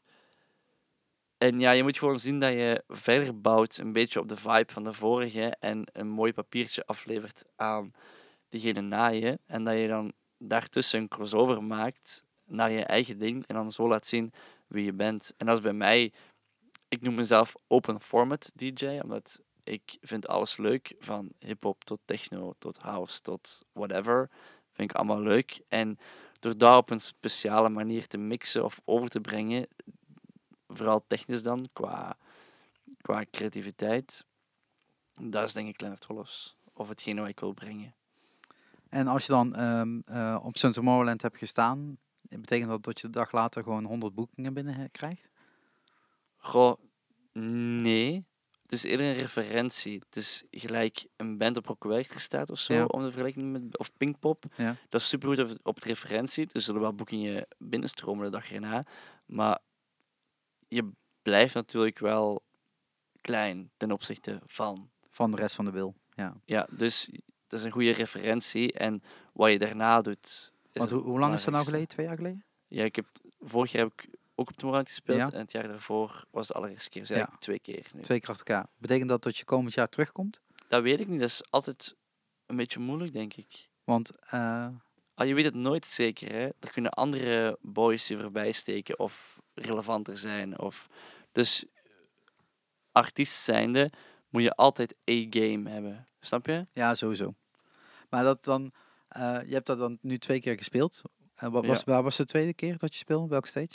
De tweede keer heb ik eh, de pre-party gedaan en het Tomorrowland vliegtuig. Tomorrow in het vliegtuig. Gewoon in Ja. een vliegtuig. Ja, ook in En- een vliegtuig gedraaid. Dan zijn we eerst eh, s morgens vroeg naar Oostenrijk eh, vertrokken. En dan daar passagiers opgehaald. Helemaal branded Tomorrowland, helemaal ingekleed. Van stoeltjes tot bekertjes, tot de versiering in het vliegtuig. Tot de wrapping van het vliegtuig zelf. Tot de sterrenchef die meekwam en het eten maakte voor de passagiers. Hoe groot is dat vliegtuig dan? Hoeveel mensen passen erin? Dat heb ik echt niet geteld. maar ik denk ja, drie of 400 of zo. Oké, oké. En ja, dan is het dus de volledige vlucht. Dan een DJ-set en dan gaan alle lichten uit in het vliegtuig. De raampjes gaan dicht. Worden er lightsticks uitgegooid. En dan sta jij door de speakers die ze ook geplaatst hebben te draaien in het vliegtuig. Ja, duizend kilometer in de lucht of zo. Ja, Ehm, duizend kilometer zat van. nee, het zal geen duizend. Maar ehm, dan, eh, dan, dan, dan mag je daar staan in zo'n vliegtuig. Eh, moet je daarna ook gewoon weer, weer, weer uit eh, door zo'n incheckbalie en zo Ja, allemaal? Of mag je en- gewoon lekker erin blijven en dan eh, komen de mensen binnen en dan stijg je weer op? Of moet je gewoon echt zo'n onderbreking van... Nee, maar dat het, hetgeen wat echt fucked up was aan die vlucht. Want je hebt net in een, in een fucking vliegtuig gespeeld. Ja, Once in a lifetime. Snap je? Allee. Ja. Hè, once in a lifetime, even... Dat ga ik geen twintig keer in mijn leven doen. Dus fucking in een vliegtuig gespeeld. En dan kom je er buiten in de gate... En niemand weet er iets van natuurlijk. Want iedereen komt terug van vakantie of gaat op zakenreis of weet ik veel wat. Dus dan kom je terug bij de gate of in het vliegveld. Ja. En normaal als je een sikke show neer hebt gezet, ja, komen er wel mensen zeggen van, nou, hey, super vet, la la la, la. En ben je eigenlijk al gewend van, er gaan mensen komen en, en dan heb je zo in een fucking vliegtuig gespeeld en is er gewoon niemand die het weet. Snap je? Want dan kom je in een gate en dan zie je daar mensen met, met een broodje staan te eten van, oh, ja, eh, ik ga met wachten op mijn vlucht. Ja. Snap je ik, bedo- ja, ja, ik ik, ja, ja, maar dat is een hele vreemde gewaarwording. Maar dan vlieg je dus naar Oostenrijk en daarna weer terug. ja, weer terug naar Brussel, ja. Dus niet ergens nog eh volgende land weer iemand opgepikt. Nee. Oké, dat, maar dat is wel heel tof dat ze je daarvoor uitnodigen. Ja, super vet. Want was je de enige DJ of waren er nog meer? Ja, ik denk dat er in totaal eh, zo'n 15 vluchten waren of zo, dus ik was er één van. Oh shit. Ja. Maar welke op de heenweg hoef je natuurlijk niet te draaien, want dan zit nog niemand in het vliegtuig. Nee, dus dan was ik gewoon als passagier in het vliegtuig naar Oostenrijk Ja. en dan in het vliegtuig wachten. Maar alleen de crew en jij dan. Ja. Dus, Dus ik was heel met, licht. de, eh, heel met de crew gewoon. En dat was heel grappig, want ik zat, eh, vorige week was ik in Monaco en toen ging ik van Monaco terug naar België en een van die stewards van die vlucht van twee jaar geleden was bij mij in het vliegtuig.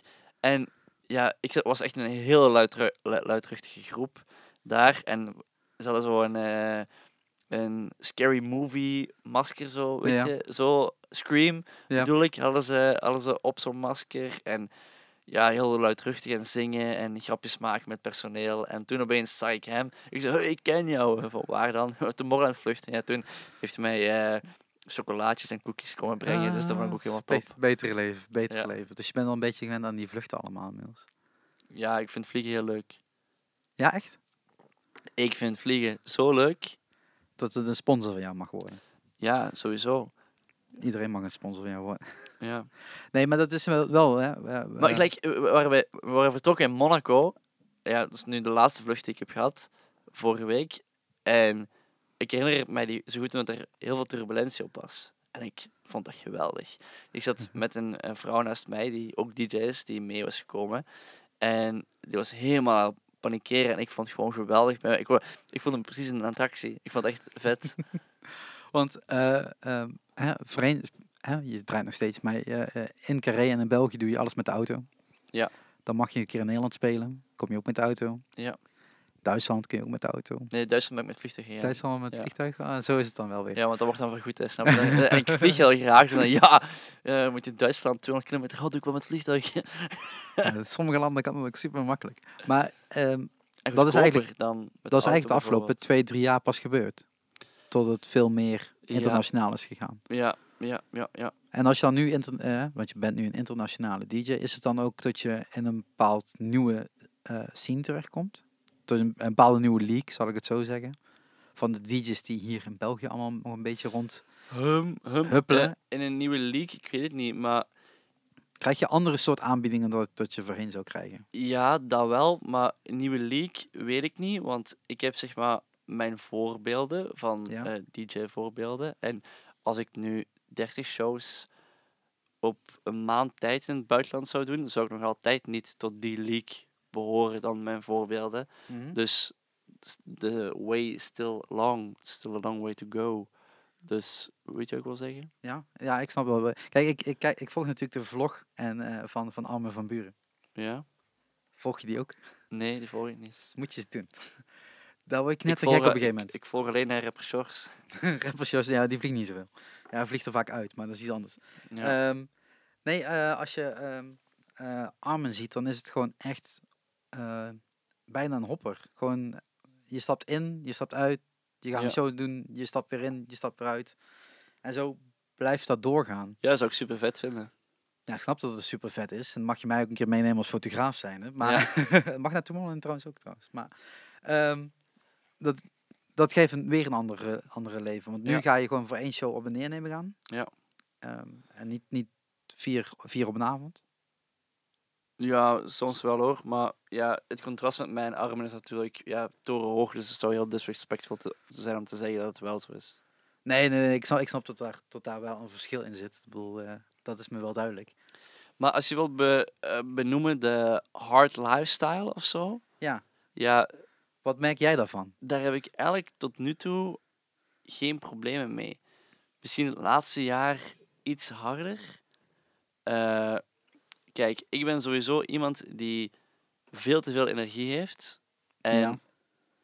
alles tegelijkertijd wil doen. En geen stop of geen limiet weet. Dus ik wil lekker hard doorgaan tot ik letterlijk doodval.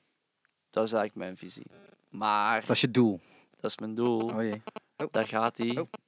Zijn we weer aan het filmen? Of eh, wat? wat eh, Het is compact aan het maken, maar ik weet niet wat. Oei, oei, oei, oei, oei, oei.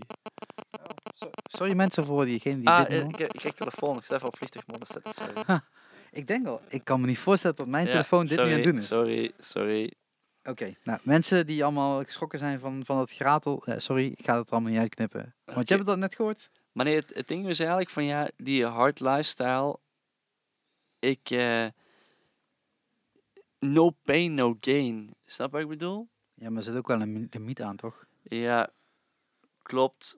Maar mijn principe van leven is: eh, ik mag en kan en wil elk moment van de dag doodvallen. Snap je? Als ik nu doodval, dan weet ik dat ik duizend procent ervoor ben. Dat ik alles heb uitgehaald. Dat ik geen moment er spijt van heb. Maar als je dan heel gereserveerd bent en zegt van ja, we gaan om acht uur slapen en we gaan morgen is nog een dag. Ja, en dan ben je jezelf aan het back-offen en dan ben je niet all the way gegaan. Maar wat, wat merk je er dan in je eigen leven van? Van het feit dat je zo hard rent? Kijk, ik merk dat ik gewoon dit soort dingen toch wel leuk vind om te proberen. Want als het me ook maar 1% helpt, Ja, ja, ja. is het dat al waard. En Nee. even voor de, voor de mensen eh, die, die net eh, waar hadden gekeken, zijn overgeswitcht naar een of ander heel stil beeld met niks beweegt. Eh, we zijn weer terug. We Ah, zijn zijn weer- we terug in Ja. het beeld terug? Ja. hey, jongens. En, en dus voor degenen die dat toch nog willen verder kijken, vanaf Ja, eh helemaal 1 uur top. eh, a- acht ongeveer kun je weer lekker meekijken. Maar nee, het ding is eigenlijk... ik heb altijd een hele goede thuissituatie gehad. Eh, en dan kom ik thuis, bijvoorbeeld na drie of vier dagen, en dan heb ik echt wel een dag rust nodig. Ik kan niet blijven doorgaan. Ik heb echt wel zo één dag per week nodig dat ik gewoon Op de bank kan hangen. in mijn pyjama blijf. Ja. Of ja, pyjama, noem het zoals je Ja. wilt. En dat ik me niet, niet ga wassen, terwijl ik elke morgen me wil wassen. Niet ga wassen, alleen maar voor de tv hang en alleen maar niks doe. Maar echt niks. Ja, maar dat is gewoon echt even goed afschakelen en zorgen dat je Ja. ook weer energie krijgt om ja. En de volgende vier ik, dagen weer door te kunnen. zolang ik dat heb, is het voor mij oké. Nu, gelijk, afgelopen jaar is voor mij heel veel gebeurd. Mijn moeder is bijvoorbeeld overleden. Mhm. eh, huis moeten verkopen, ben moeten verhuizen. eh, heel veel veranderingen persoonlijk. En dat maakt wel dat ik wel mijn grenzen beter heb leren kennen. En ook heb eh, geleerd van... Er zijn heel veel mensen die iets van mij willen, maar ik geef er dan heel veel energie aan, maar ik krijg er geen energie van terug. Dus dan heb ik wel beslissingen moeten nemen of eh, eerder prioriteiten voor mezelf van ik moet, waar ik energie in steek, moet ik ook wel energie in van terugkrijgen. En dan leerde ik wel beter mijn grenzen kennen van dit doe ik wel en dit doe ik niet. Dus daarom ook van, om terug te komen op het begin van het gesprek, van school op een lager pitch te zetten en mijn leven iets eh, beter in te delen. Dat het voor iedereen makkelijker is.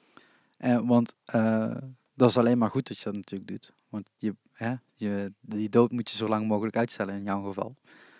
Ehm, ja, ik heb altijd vroeger gezegd, hoe eerder beter bij een ander verhaal. Goh, ja, maar als ik nu morgen zou doodvallen of nu, ik zou, niks van, spijt van. ik zou van niks spijt hebben. Nee, maar dat is, ook, dat is ook de bedoeling. Als je zo kan leven, is het ideaal. Maar meer het feit, je, je bent nu... Anderen zijn steeds meer afhankelijk van jou aan het worden. Dat weet ik niet. De boeker krijgt Ja. inkomsten. Je manager inkomsten. Ja, Dus anderen zijn steeds... Zijn, we hebben natuurlijk die Avicii documentaire allemaal gezien. ja klopt. Zijn er, zijn, heb je daar ook over gesproken? Over het feit van, oké, ik moet die dag rust hebben. Ik ja, moet tuurlijk. ook ergens... Een, tuurlijk. eh, Goh, het, het ding is vooral... eh, ja, jij merkt er een andere, ander niveau mee dan, Avicii deed natuurlijk. Ja, hè? Avicii ging over miljoenen of zelfs meer dan dat. Ja, tuurlijk. Maar ja, gewoon een gewone man op het werk die boekhouder is, kan dat ook voor hebben hoor. Dat is, dat is veel, te veel van hem verwachten of dat, dat hij niet kan inboeken. Dus voor mij was het gewoon ja, dat eh, er zoveel druk is en je moet presteren en dan twintig projecten waar je bij bent betrokken en overal heb je dan, omdat de leider en de grote creatieveling, hyperactieve gek die je bent, overal de leiding wilt nemen. Dus dat je dan opeens 20 projecten hebt waar je dan voor moet presteren. Maar door het overlijden van mijn moeder en zo, ja, ja had ik er opeens geen tijd voor. En kon ik het allemaal mentaal niet meer aan, om het zo te zeggen. Ik kon bijvoorbeeld, als ik toen in de les zat, marketing, wat ik zalig vind, mooi, opeens oef, kostte mij dat heel veel energie. Mhm. En kostte mij het heel veel energie om met iemand samen te werken. Dat kostte mij gewoon energie. Ik heb geleerd om met energie te werken, trouwens. Ja, Dat is gelijk je geld zou uitgeven. Dus met hier met jou praten kost mij energie. Ja. Dus dan moet ik energie aan jou betalen. Ja. Maar jij geeft omdat je leuk bent, omdat je dankbaar bent, omdat Ja. je respectvol bent, kijk energie van terug. Dus mijn niveau is terug nul. Maar als ik bijvoorbeeld voor iemand iets doe, bijvoorbeeld zijn huis komen verven, dan betaal ik daar heel veel energie aan, want dat is heel veel werk. En als hij niet eens dankje zegt, of niet eens dankbaar is, of niet eens iets voor mij terug doet, of gewoon heel chagrijnig is, ja, je snapt wel wat ik bedoel, ja. dan krijg ik daar geen energie van terug. En dan heeft het mij alleen maar energie gekost. En dan sta ik in de min. En dat is een beetje de denkwijze waar ik... En dat recoupen is moeilijk. Ja, dat kan gewoon niet, want dan heb je en- energie verloren. Dus dat is zo'n beetje het ding waar ik nu aan denk. Dus ik heb heel veel mensen. eh, mijn, iedereen kan mij kennen, of iedereen leert mij kennen. Maar er zijn maar weinig mensen die echt bij mij in de harde kern zitten, echt in mijn hart zitten. En voor die Mhm. mensen ga ik all the way. Maar voor de rest heb ik wel geleerd, voor ja, de duizenden aanvragen die je krijgt, jij waarschijnlijk ook, Ja. van doe eens dit, doe eens dit, doe eens dit, dat je daar wel beter de balans vindt van eh, dat wel, die niet. Misschien heeft het ook te maken met ouder worden, maar door dat proces, 21. maar, ja, maar door, want nu woon ik alleen en Ja, door, ja. misschien door die dingen, dat, dan, dat je dat dan moet leren. Maar ja, dat is wel dat is wel het ding wat ik heb geleerd. Dus zolang ik dat aanhoud en de mensen rond mij, management agency, zich daar ook voor behoeden en ook eh, over nadenken van ja, ik wil een nieuw project doen, van ja, dat dan eerst de afweging gedaan wordt van hoe we dat net gaan aanpakken en hoe we dat zien.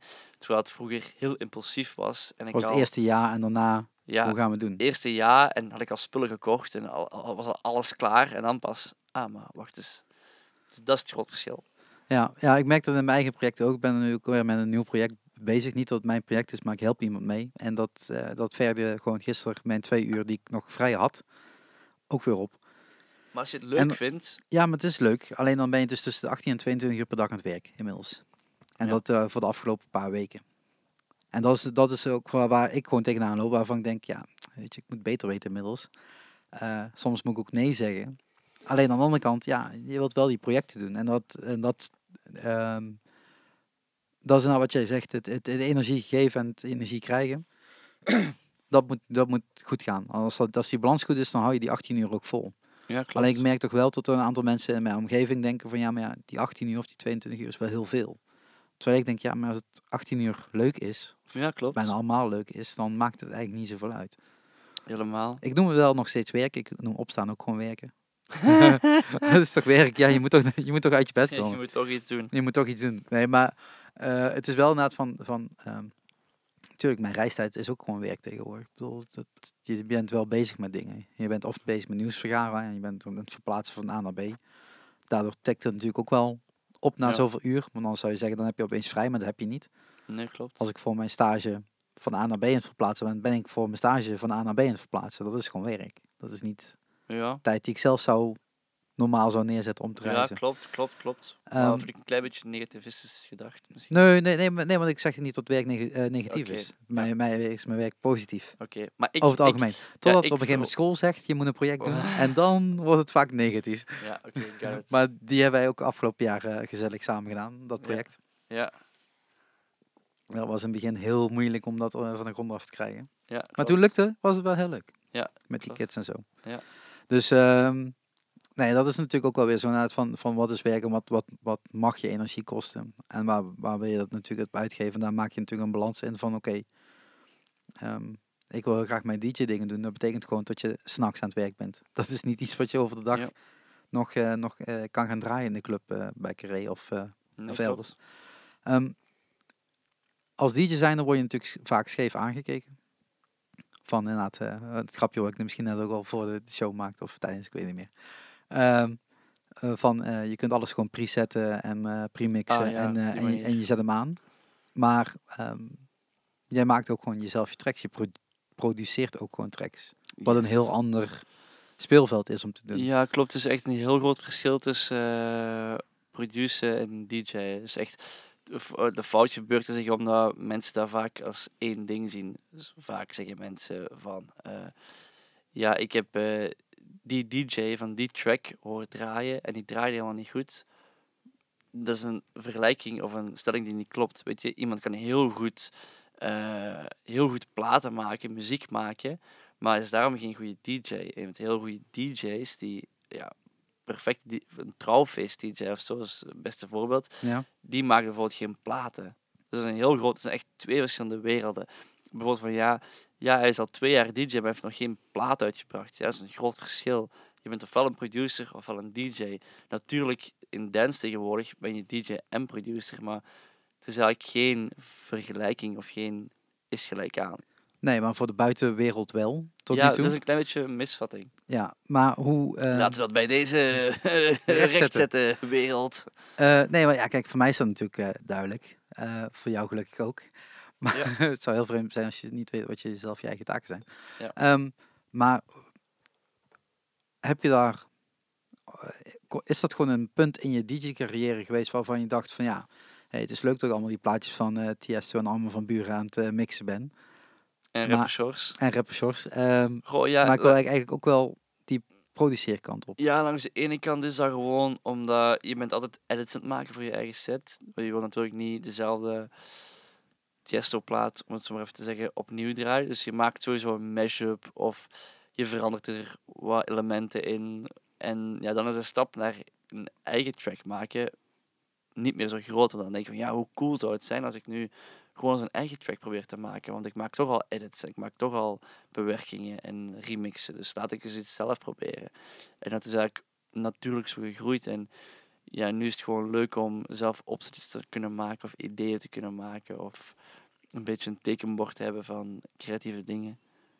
Maar komt dat dan, komt gewoon in je hoofd op een gegeven moment zo van, want aan de ene kant had je natuurlijk de remixen waar je op een gegeven moment denkt van nou, als ik dit deuntje eronder zet of ik Mhm. versnel hem zo of ik trek hem naar links of naar rechts, dan wordt dat dit. Komt er nu ergens in je hoofd gewoon zo'n melodietje op waarvan je denkt, oké, als ik dat nu, Ja. nu doe, dan... Ja, als ik onder de douche sta of ik eh, ben aan het wandelen en ik heb, ik heb opeens een melodie, dan neem ik dat op aan mijn gsm en dan ga ik het daarna proberen naspelen. En dan, eh, is, er, is, is daar dan ook echt een andere route wat je dan moet behandelen? Als in zijn het, het maken ervan. Goh, Want de het- ene was ook maken, alleen dan het, werk je met elementen die al staan. ja, dat, is, dat is een heel goede vraag trouwens. Yes, één goede vraag in deze Oh. heel, gesprek, mensen. Of Dit de- is hem. Oftewel, oftewel gewoon een vraag waar ik echt een heel goed antwoord op weet. dat kan ook. hè. Nee, eh, ik ben in eens, eerste plaats ben ik DJ.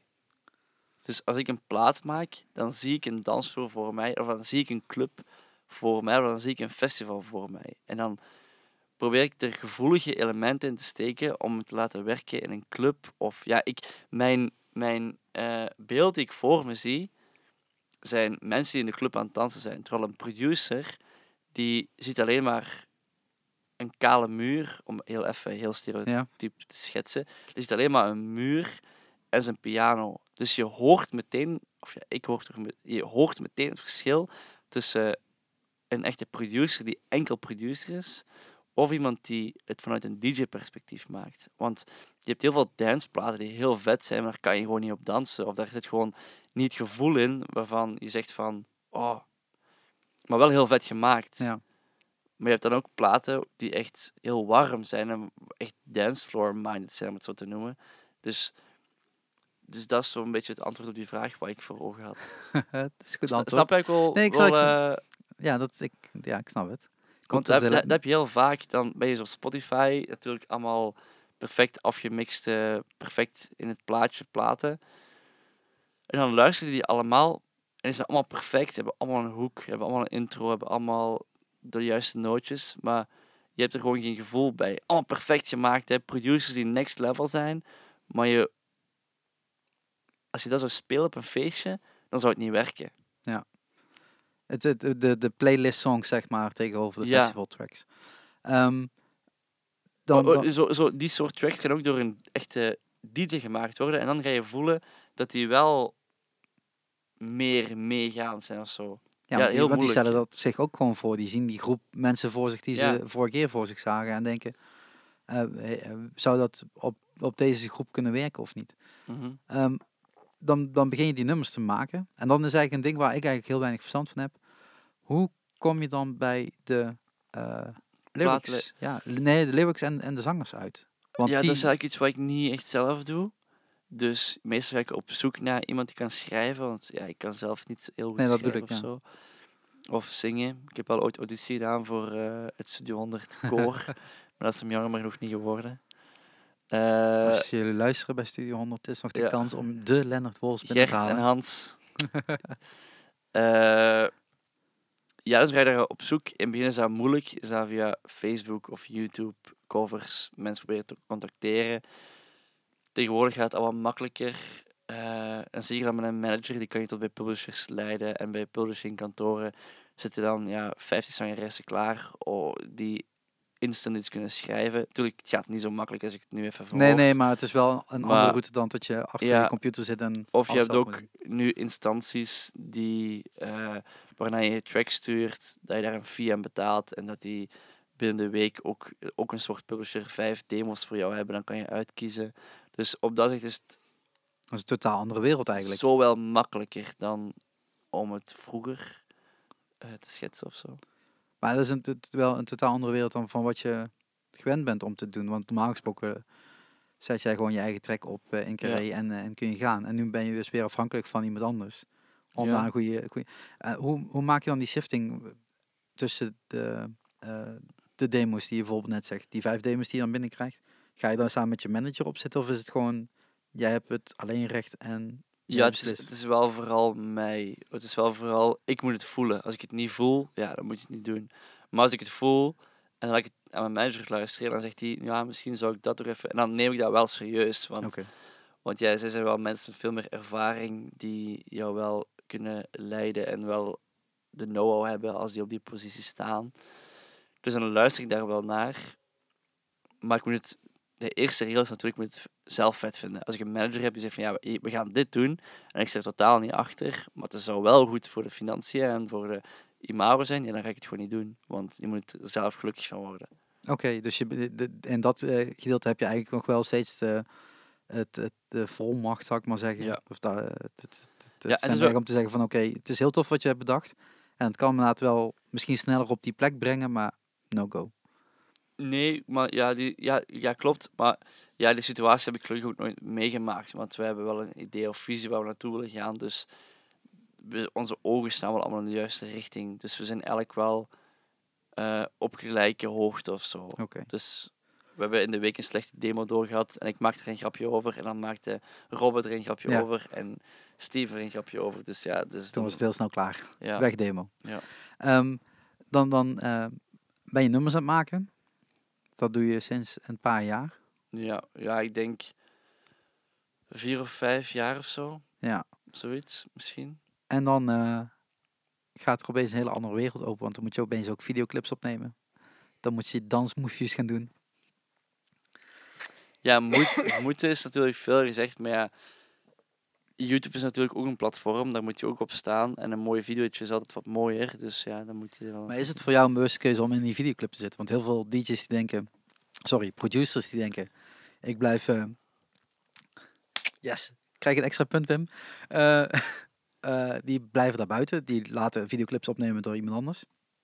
Ja, en maar dan, steeds meer de DJ's en de producers er toch weer in kruipen. ja, dat is ook een goede, een goede schifting, want DJ's worden nu, dat, nu we daar toch over bezig zijn, DJ's zijn niet meer DJ's. De gasten die in de jaren 80 in een andere ruimte aan het draaien waren door een schermpje. Ja, DJ's zijn nu artiesten. Dus als je zegt de Chainsmokers, of je zegt Tiesto, of je zegt Martin Garrix, dan kan je er meteen een gezicht op plakken.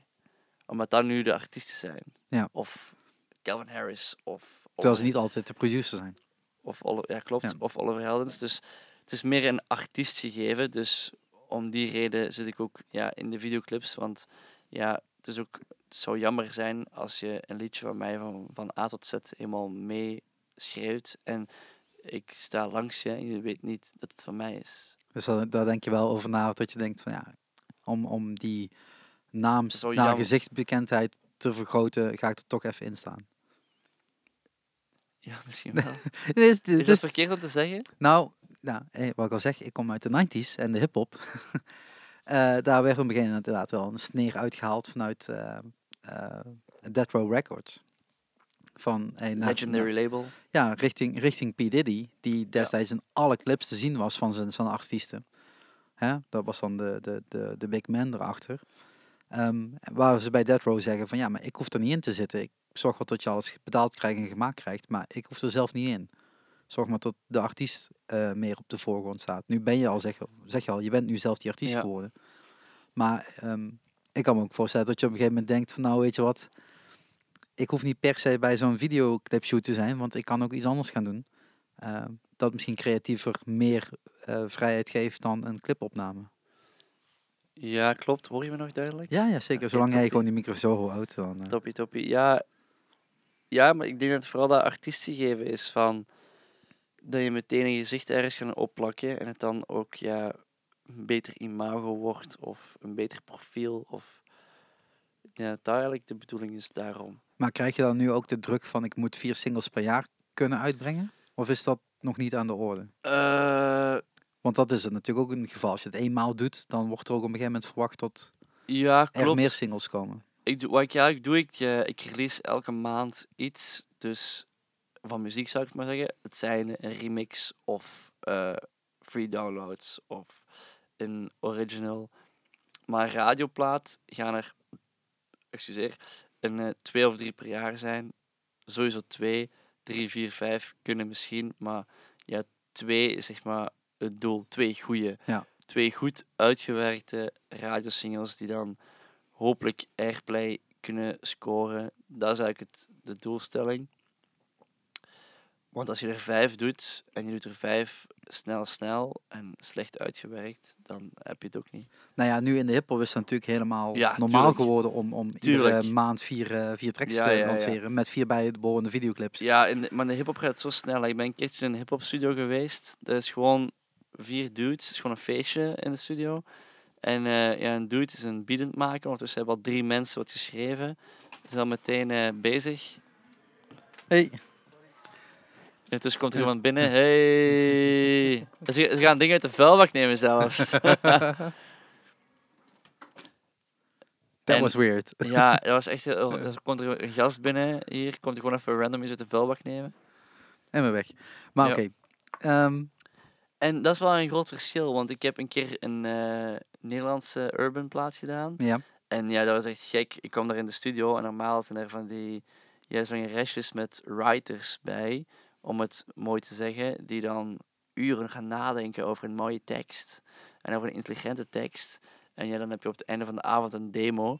En ja, er kwam er gewoon iemand in een, eh, in een eh, half uit elkaar hangende Volkswagen de studio binnen. En die had op vijf minuten de hele tekst geschreven. En die was hard. Dus dan heb je van, oké, ja, Zo kan het dus ook. zo kan het dus ook. En in vijf minuten verdient hij net zoveel als iemand op een hele dag uiteindelijk eh, Ja, klopt. Dus erop zit. dat is wel typisch aan de hip-hop dat het daar allemaal snel moet gaan. En, waarsch- en waarschijnlijk is het dan die week zelfs nog uitgebracht. En dan heeft hij weer voor twee weken later nog zo vier van die. Nou ja, kijk, nu is het natuurlijk ook zo. En ik heb een keer eerder dat gesprek gevoerd. ehm, eh, je kunt in, in hip-hop eh, iets meer dan twee minuten, dat wordt geaccepteerd. Dus tussen twee en tweeënhalve minuten en je bent klaar met je nummer. Mhm. Terwijl eh, in de pop is het normaal om richting de 3,5, 4 minuten te gaan. Ja, dat is ook En- wel al eh, Al aan het minderen. minder ja. hoor. Zeker met Spotify en zo.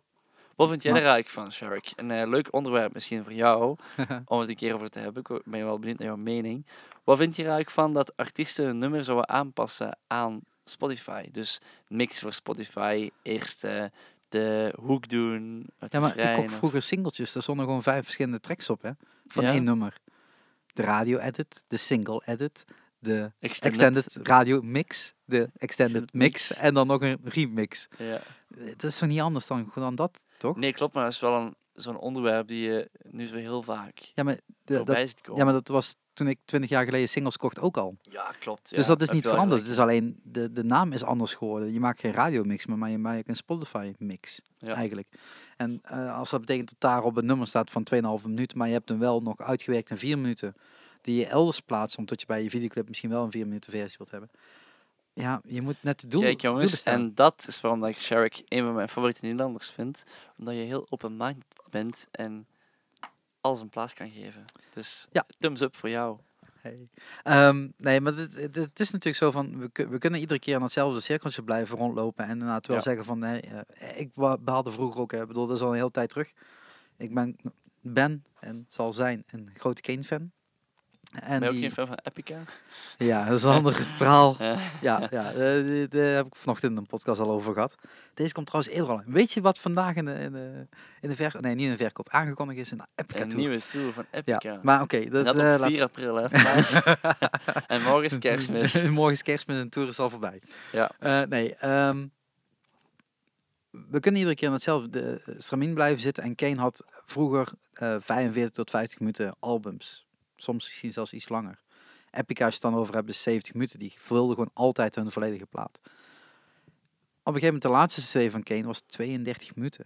En ik heb echt gebaald. Ik denk, 32 minuten, ben je me gewoon na je 10 nummers, 32 minuten, dat is gewoon 3 nummer, drie, eh, minuten per nummer. Ja. Wat de fuck zijn jullie aan het doen?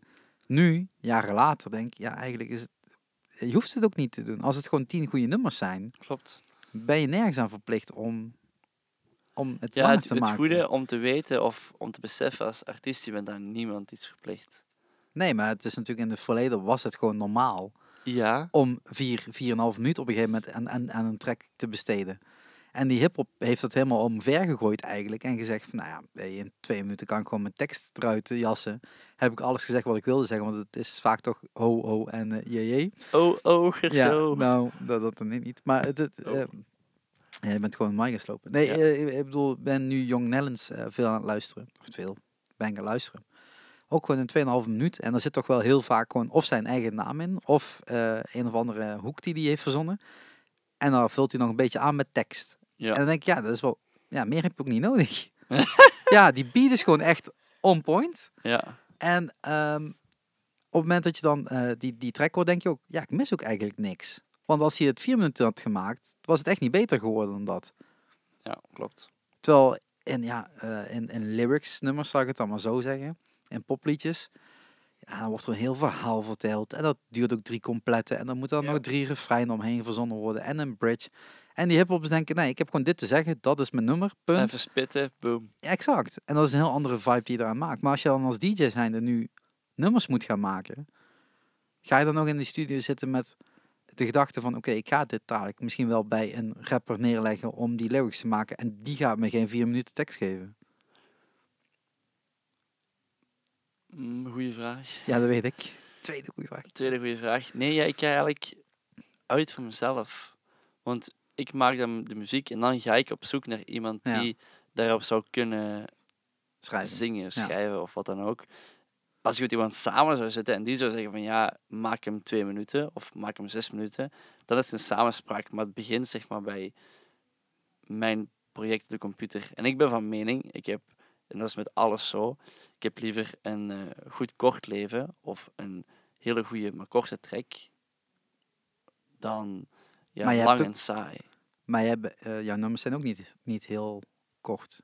2 minuten 30 of zo? Ja, is dat de kortste die je had? Ja, ik denk het. Oh, ik weet shit. het niet. Nou, dat vliegt gewoon een tijd voorbij dan. Of twee minuten of zo, ik weet het niet. Ik had over laatst zo'n demo klaar, zo 1 minuut 50. Zo, Oh, kut, dat is wel heel kort. Ja, boven de 30 seconden krijg je uitbetaald bij Spotify. Dus hè, je zit nog op 1, eh 1 minuut 20 te veel eigenlijk. Ja. Eh, nee, maar dat is natuurlijk wel iets waar je dan blijkbaar over Zou dat nadenkt. cool zijn om alleen maar nummers van 30 seconden te maken? Er is een hele plaat met alleen maar 30 seconden nummers. Hè. Ja? Er is een, er is een hip-hop act geweest die dat heeft geprobeerd. Gewoon voor Insta TV, denk ik zelfs. Of voor Insta gewoon. Een plaat lanceren met gewoon 30 seconden. En dat was echt gewoon één spit klaar voor een nummer. Eén spit klaar nummer. Vet. Ja, heel tof gedaan. Ik weet niet hoeveel mensen dat. Maar ja, in principe is dat wat er op dit moment binnen de, de streamingdiensten gevraagd van je wordt. En meer niet. Je zult daar geen grote hits mee scoren. En zeker niet op de radio mee komen. Dat is dan weer een nadeel ervan. Ja. Ehm, Maar we kunnen het nummer drie keer opzetten. ja, maar dat gaat niet gebeuren. Je moet je voorstellen dat je dan in de UK gewoon... En je krijgt per nummer betaald in plaats van per minuut. Ja. Ja, dan wordt een leuk, dat tikt leuk aan. Nee, maar dat is natuurlijk wel zoiets waarvan als jij nu inderdaad de, de, de nummers aan het produceren bent, jij weet gewoon wat er speelt. Je weet van, oké, misschien moet ik dat nummer wel vier minuten maken in plaats van 1 minuut 50. Ja. Wat moet er dan nog toegevoegd worden? En dan pas inderdaad naar iemand toe die het gaat schrijven. ja, het is gewoon iets wat je zelf aanvoelt Ja. of wat je zelf... eh, Ja, toch? ja. Ehm, dan ben ik denk al... Heb jij nog iets te zeggen? Heb je nog een leuk onderwerp of zo? Zoiets, zoiets eh, controversieel of Nou, zo? iemand zei tegen mij dat hij om half zes weg moest. Dus ik denk, ik ga een beetje richting een afronding. Ah, het eigenlijk- bijna half zes al. Ja, dat-. Shit zeg. Ja, tof hè? Hoe lang zijn we bezig? Ja, een uur eh, en veertig minuten. Dat meen je niet. Ja. Ja. Gewoon een uur en 25 wel. Ja. Heb je niet nog zo één controversieel onderwerp of zo? PXL, zeg het maar. Begin maar. En go. Als dat niet controversieel genoeg is. Nou, nee, zo, nee want we gaan. We, eh, eh, ehm, eh, het moet wel positief zijn als we dan nu nog een onderwerp ja, doen. tuurlijk, tuurlijk. moet Tuurlijk. positief zijn. Ja, nee, dan gaan we het over jouw doelstelling hebben. Wat wil jij, wat wil je nog doen? Waar wil je nog staan? Waar wil, wil wil je nog op Ultra Miami staan? Goh, kijk, jongens en meisjes. Dat zou ik... ik kl- ik klink net als heel kleine. nou, jongens en meisjes, ik zou het heel leuk vinden. Nee, eh, het ding is... Mijn ambitie is om eh, gezien te worden als een zeer technische DJ. Omdat eh, ik ben van de trucjes en van de, van de trucjes eigenlijk, ja. Ja. En ik eh, ben ook ambassadeur voor Pioneer DJ. Dus dat leunt mooi aan. Dus ik zou het heel mooi vinden op mijn cv als ik eh, daarvoor gezien zou worden. Voor dat mensen echt zouden komen kijken van, oh, wat voor technische dingen of voor trucjes gaat hij nu allemaal doen. Zowel DJ's als niet-DJ's. Dus dat zou ik vet vinden. En als dat mij naar Ultra zou brengen, ja, super vet. Why not? Ja, Maar dan wil je meer de DJ's DJ worden dan. ja. En want het het hele punt van Pioneer hebben we eigenlijk helemaal niet aangehaald. nee, klopt. Bij deze. Bij Even deze. sponsored by. Niet, de- niet deze podcast, jongens. Nee. Hij is sponsored by. Nee, eigenlijk niet. Nee. Ook niet. Nee, maar je krijgt wel eh, toffe, toffe mogelijkheden door Pioneer. Ja. Dat vooral. Ehm, buiten natuurlijk nieuwe dingetjes proberen, nieuwe Ja, inputs geven. ook omdat ik een, een eh, nerd ben op het gebied van die CD-spelers. Dus Mhm. dat vind ik heel leuk om nieuwe dingen te ontdekken. En als ze een nieuw product hebben, dan mag ik daar zo gezegd reviewen voor hun Ja. of zo. Dus ja, dat is Dat is wel heel tof. super vet. Ja. Super vet. Ehm, ja, we- we- ehm, voor de mensen die Leonard Wolfs willen zien. Volgende week vrijdag. Volgende week vrijdag in Carré of op Instagram, at Lennart Wolfs. YouTube ook Lennart Wolfs. Eh, Ik ben ook met vloggen begonnen. Maar ik wil dat naar je, halen. gaat, Ja. je gaat het zien. Eh, Maar je hebt pas één vlog online, toch? ja, één vlog. Ja. Ja. Je- Niet, niet, let op de rommel in zijn kamer. Vorige Ja. keer heeft hij het helemaal netjes opgeruimd. Nee, dat heeft hij me Daar heb beloofd. ik echt, eh, daar hebben echt heel veel mensen mij over aangesproken. Maar ik heb zoiets van, ja, als je gaat vloggen, dan moet het toch gewoon echt zijn. Nee, het moet echt zijn, maar je mag wel op, opgeruimd hebben. Maar het, Het, was, nee, het was helemaal niet het- rommelig. het was- hey, nu nee, maar daar lag, er het, er lag een gewoon- flesje er of lag zo. gewoon één flesje op de grond, naast het bed. Ja, dat was het ja. enige. Weet je, en... Dat het- was echt het enige. Ja, weet ik. Je en, weet mijn ook ja, dat- en mijn jas over de stoel. Nee, maar dat was echt clean. Natuurlijk was het clean. Maar het is gewoon een manier inderdaad van eh, met, met vloggen op een gegeven moment te leren dat je bepaalde dingen gewoon even buitenschot s- shot moet laten. Gewoon lekker. Letterlijk. Ja, oké. gewoon, sorry. dat hoeft niet per se in beeld te zijn. Niet dat het dan niet bestaat. Maar, het is net zien. leuk dat het echt is. Jij bent sowieso echt. Ja. Ik ben echt. hij was het echt. Hij is het echt. Het is de, de Leonard Wolfs. Zoals we ook hier in, eh, in, op school zeggen. Gewoon De- de, de, Leonard Wolfs. Ja, waarschijnlijk, De- ja, waarschijnlijk eh, de irritante Rick of zo. Nee, nee, nee. Totaal kleine, niet zelfs. Kleine rotjoch. Nee, maar ehm, ehm, het is wel inderdaad tof om, om, om, om jou zo te horen spreken de afgelopen tijd. Een uur, anderhalf, een uur veertig. Eh, maar inderdaad, ik bedoel, we kennen elkaar inmiddels iets langer.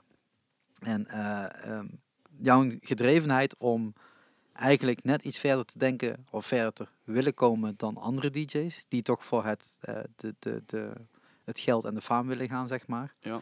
Ehm, eh, siert jou. Zo. Dankjewel. En dat is wel echt een credit aan jou om gewoon zo bewust bezig te zijn inmiddels. Ja, ik bedoel, 2,5 jaar geleden was het echt nog anders dan waar je er nu eh, mee bezig bent. Je hebt gewoon een bepaalde groei meegemaakt en dat vind ik echt super tof om te zien. Oh, nice, Tot, eh, bedankt. ja, leuk. Ja, Ja. merci. En eh, ja, wie weet wat wij... Frans woord. Ehm, en in de toekomst wel ja, nog wel vaker in jouw festival in Nederland zien staan. Ja, Ik weet niet hoe vaak ik nog in België kom als ik straks hier klaar ben. Dus eh, je moet echt ook in Nederland, ik Nederland weet, ik weet ook niet hoeveel keer het bevrijdingsfestival door Shark georganiseerd wordt. het wordt niet door mij georganiseerd, het wordt door het bestuur georganiseerd. Eh, ik ben er slechts een elementje, maar het was wel super tof om jou daar Ja. te kunnen neerzetten en ook op die plek te kunnen neerzetten, want dat was super vet.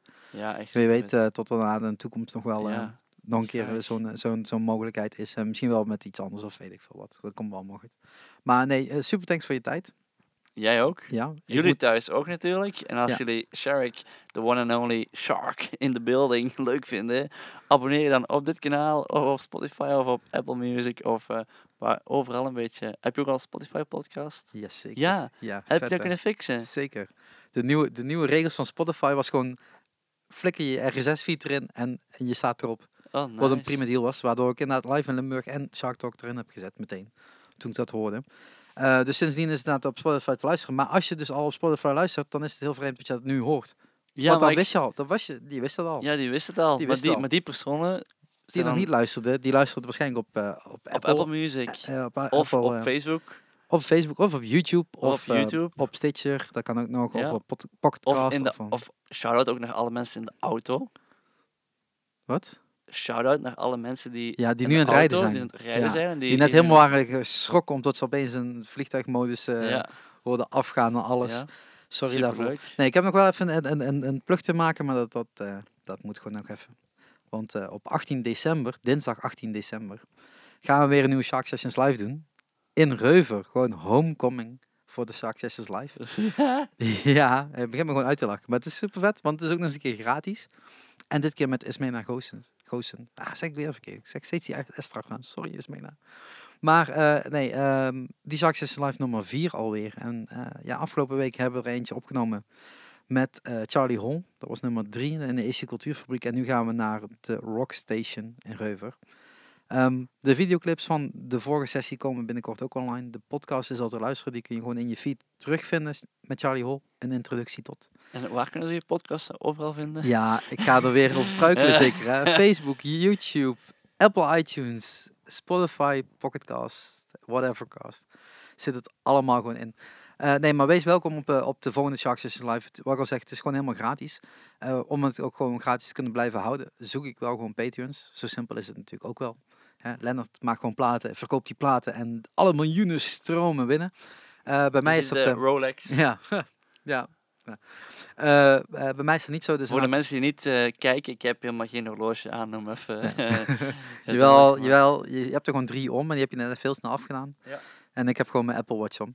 Ehm, maar ik moet natuurlijk wel een beetje bijhouden hoe gezond ik leef op dit moment. Ja, met die bars en zo, En ik met die ja, dat, dat bedoel ik. Ehm, nee, maar die, die show is gewoon gratis te bezoeken. Maar om dat te kunnen doen, patreon.com slash mcshark. Als je hem daarop steunt met een euro of twee of iets meer, net wat je zelf wilt. Maar met een kleine donatie maak je veel mogelijk. Dus eh, eh, steun me daar ook vooral in om alles te doen wat ik op dit moment doe. Eh, op dit moment is alles, ja, hoe moet ik dat zeggen, vrijwilligerswerk. Dus het is wel fijn als er wat, wat binnenkomt om, om het vooral te kunnen doorzetten. Want dat, dat is waar het op dit moment om, om gaat. Niet tot ik er rijk van word en die Rolexen van Lennart kan overkopen tweedehands. dat dan weer niet. Maar eh, eh, nee, eh, check dat even, patreon.com slash mcshark. En anders inderdaad, eh, als je me verder nog wilt steunen, maar dat niet financieel wil doen, laat even een comment achter. Op welke pagina dan ook, waar je dan ook bent. Ehm, en als je in iTunes doet, doe dan ook even een rating van 5 sterren. Dat helpt. Ja, zo simpel, is, zo simpel is het. Heb je dat al gedaan? Nee, ja. Heb je een iPhone? Ja, ik heb een iPhone. Dan gaat eh, Lennart dat zo meteen ook voor mij doen. En dan, kun je, en dan kun je het zo meteen, doe het niet nu, want dan gaat hij nog één keer Ah, ja, ratelen. klopt, klopt. en dan, eh, dan zie je gewoon Sorry. in hè, de review zie je gewoon Lennart zijn naam gewoon erbij staan. Dan kun je Ja. gewoon bij Lennart op de lijst staan. Hoe vet is dat gewoon? Hoe vet is dat? En eh, voor Lennart, alle linkjes en dergelijke zet ik natuurlijk in de show notes. Dat je makkelijk kan vinden op alle Portalen, platformen, ja, platformen waar je, waar je te vinden bent. instanties, verenigingen, alle clubs. geloofsovertuigingen. Ja. En ik zal ook wel linkjes en zetten naar je laatste nieuwe single. Welke Ja. staat er nu als laatste op? Eh, Firestarter. Die van de zomer is dat toch? Ja, die van de Ja. zomer. Ja, Dus die kun je nog lekker nu nog lekker draaien. ja nu, nu het Om, nog eh, kan. Nu nog kan, want eh, hij gaat, wordt nooit offline gaan namelijk. Dus nu Nee, het maar nog er kan. komt een nieuwe aan. Ah, mag je er al iets over vertellen? Ja, komt eigenlijk een single aan met een Nederlandse zangeres. Alweer een Nederlandse zangeres. Ja, je hebt daar iets mee, hè? Ja? Cami- Camilia. Ze is heel bekend met eh zo YouTube-covers. Ja, ik Dus- weet, denk oh, wie je Dus het hebt. eh, die komt eraan. En dan nog eh, zijn we bezig aan een zomersingle voor de volgende zomer al. Ja, dat is ver op voorhand, hè. Ja, maar dat moet ook. Dat moet ook. En dan nog een clubplaat, die echt gewoon voor de clubs is. Dus dat komt er. En dan ook nog wat free downloads, sowieso elke maand. Dus dat komt er allemaal aan. Tot jij een uur en drie kwartier hebt kunnen stilzitten. Ja, echt hè? Applaus, echt waar. Want je hoort hoeveel hij allemaal doet en wat er nog allemaal komt. Eh volg Wolf dus op al zijn socials. En dan, eh, ja, deze komt, eh, komt online. En de volgende komt ook al meteen eh, snel weer online. Want die ga ik namelijk morgen, maar tijdsbesef in de podcast is een beetje lastig, maar morgen opnemen. Dus die komt ook eh, snel er achteraan. Op, die komt dus op, op 6 april online dan. Ja, die komt ook op 6 april online. ja, dus nee, hou het lekker. Als mensen het nu op 4 april echt hebben geluisterd, dat zou vreemd dat zijn. zou echt vet Dat, zijn. ja, dat zou echt vet zijn. Dan gaan ze een beetje terug scrollen wat jij allemaal hebt gedaan. En Ja. denken ze, met Firestarter, die is gewoon al twee jaar geleden. Is dat gewoon. Dus eh, nee, dankjewel voor het luisteren en eh, tot de volgende Shark Talk. Doei!